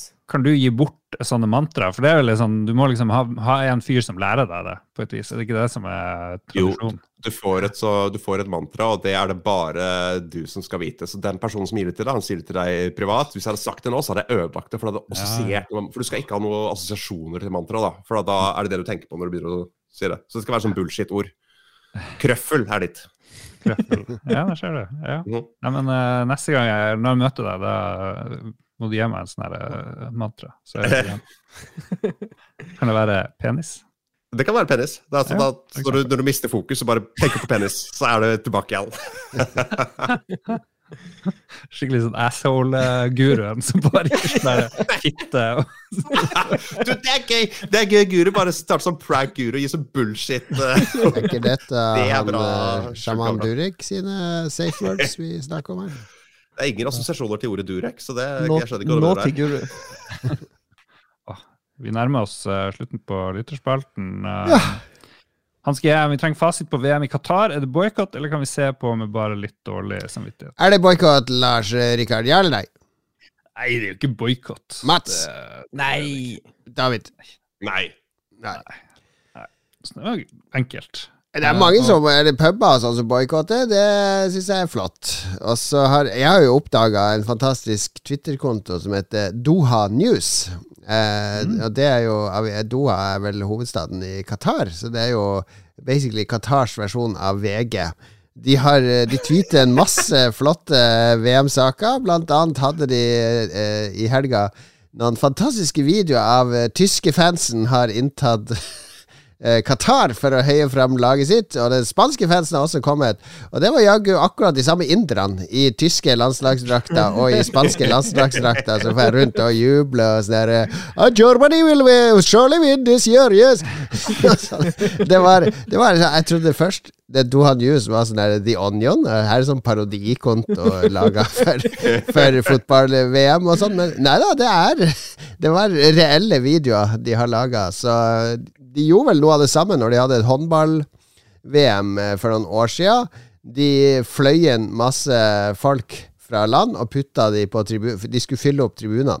For de sleit med å få nok publikum. De skulle fylle opp tribunene på med drakter, landslagsdrakter, og satt og heia og alt sånt. Så jeg, jeg syns alt dette gjør Jeg har lyst til å følge med på disse tingene, i tillegg til kampene. For NRK og TV 2 de, de skal være litt sånn her Nei, vi skal ikke vise disse tingene her. Men det er jo dette det, det er litt sånn der Keiserens nye klær, hvis man begynner å se litt nøye på de tingene. Og det, de har laget sånn kulturlandsby, og det er, masse sånn der propaganda de har drevet og forberedt og laga. Jeg har jo lyst til å se den propagandaen for å prøve å se gjennom den. Hvor, hvor effektive tror du de boikottene fra uh, puber i Oslo er, når de merker at alle For jeg, jeg føler at alle nå bare går veldig hardt ut på med, sosiale medier og, og, demonstrerer verdi ved å si at ah, 'jeg kommer til å boikotte'. Samtidig som de pubene boikotter, så har de satt opp verdens største telt på uh, Jungstorget. Altså, det har akkurat vært oktoberfest, og det teltet som sto der, tenkte jeg det går ikke an å ha større. De har fylt hele Jungstorget fram til Fontena. Men det fotball-VM-teltet de har satt opp, er enda større, og det skal de fylle opp. De har sikkert plass til 2000 mennesker inni det teltet hver dag som kan sitte og se fotballkamper. Så uh, at ball rett over der boikotter Eh, jeg tror nok de får en del gjester som kommer inn og sympatiserer med boikotten og stiller seg mm. bak det, men jeg tror det teltet der kommer ikke til å slite med å fylles opp av folk, folk som, som er drittlei av fotball, har et alternativ hvor det er sånn fotballfri sone? Ja, det, det, kan være. Det kan være.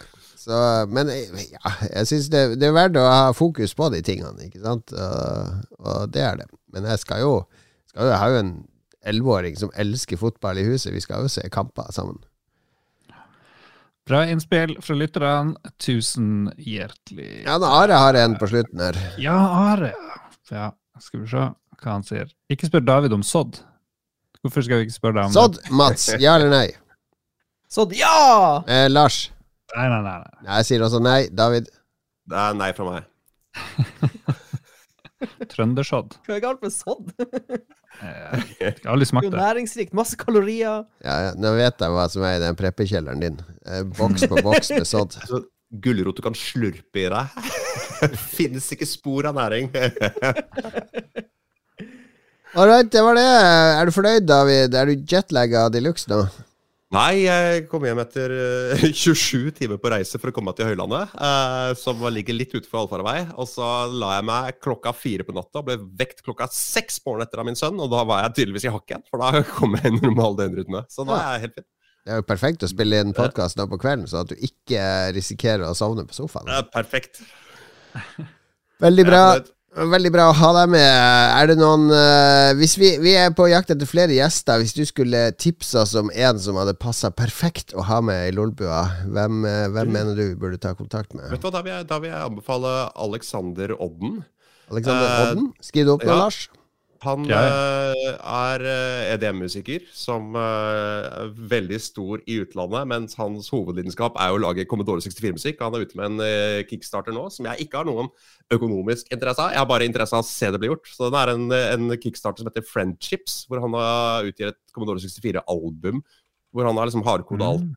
64, ikke noe moderne digitale arbeidsstasjoner der som han gir ut med en pixelart-bok. Så han uh, kan snakke litt om å lage musikk på Commodore 64 og dele mange av deres uh, ja, favoritter der. Altså. Han uh, veldig fin. Ja, Google den, sjekk den ut på Kickstarter. Det vil jeg både ta med som anbefaling og som anbefalt gjest, egentlig. Mm. Var, det, var, det, han du hadde som gjest i siste podkast? Ja. Så jeg anbefaler en pent brukt gjest. ja.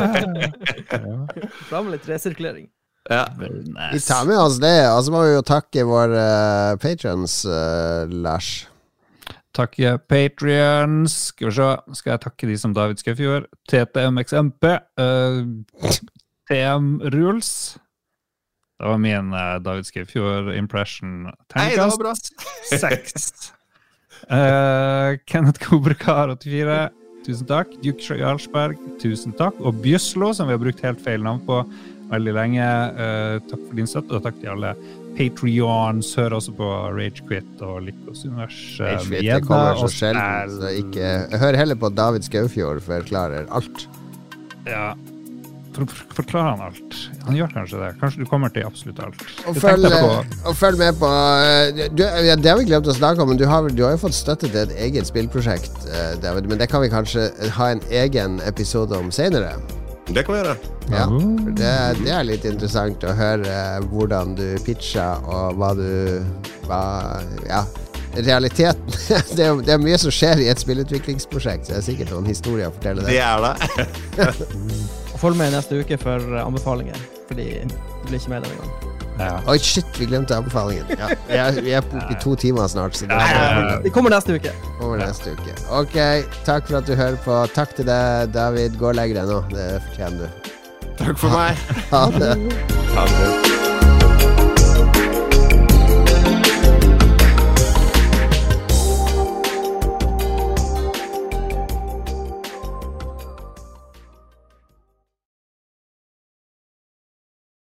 Har du et enkeltpersonforetak eller en liten bedrift? Da er du sikkert lei av å høre meg snakke om hvor enkelt det er med kvitteringer og bilag i fiken, så vi gir oss her, vi. Fordi vi liker enkelt. Fiken superenkelt regnskap.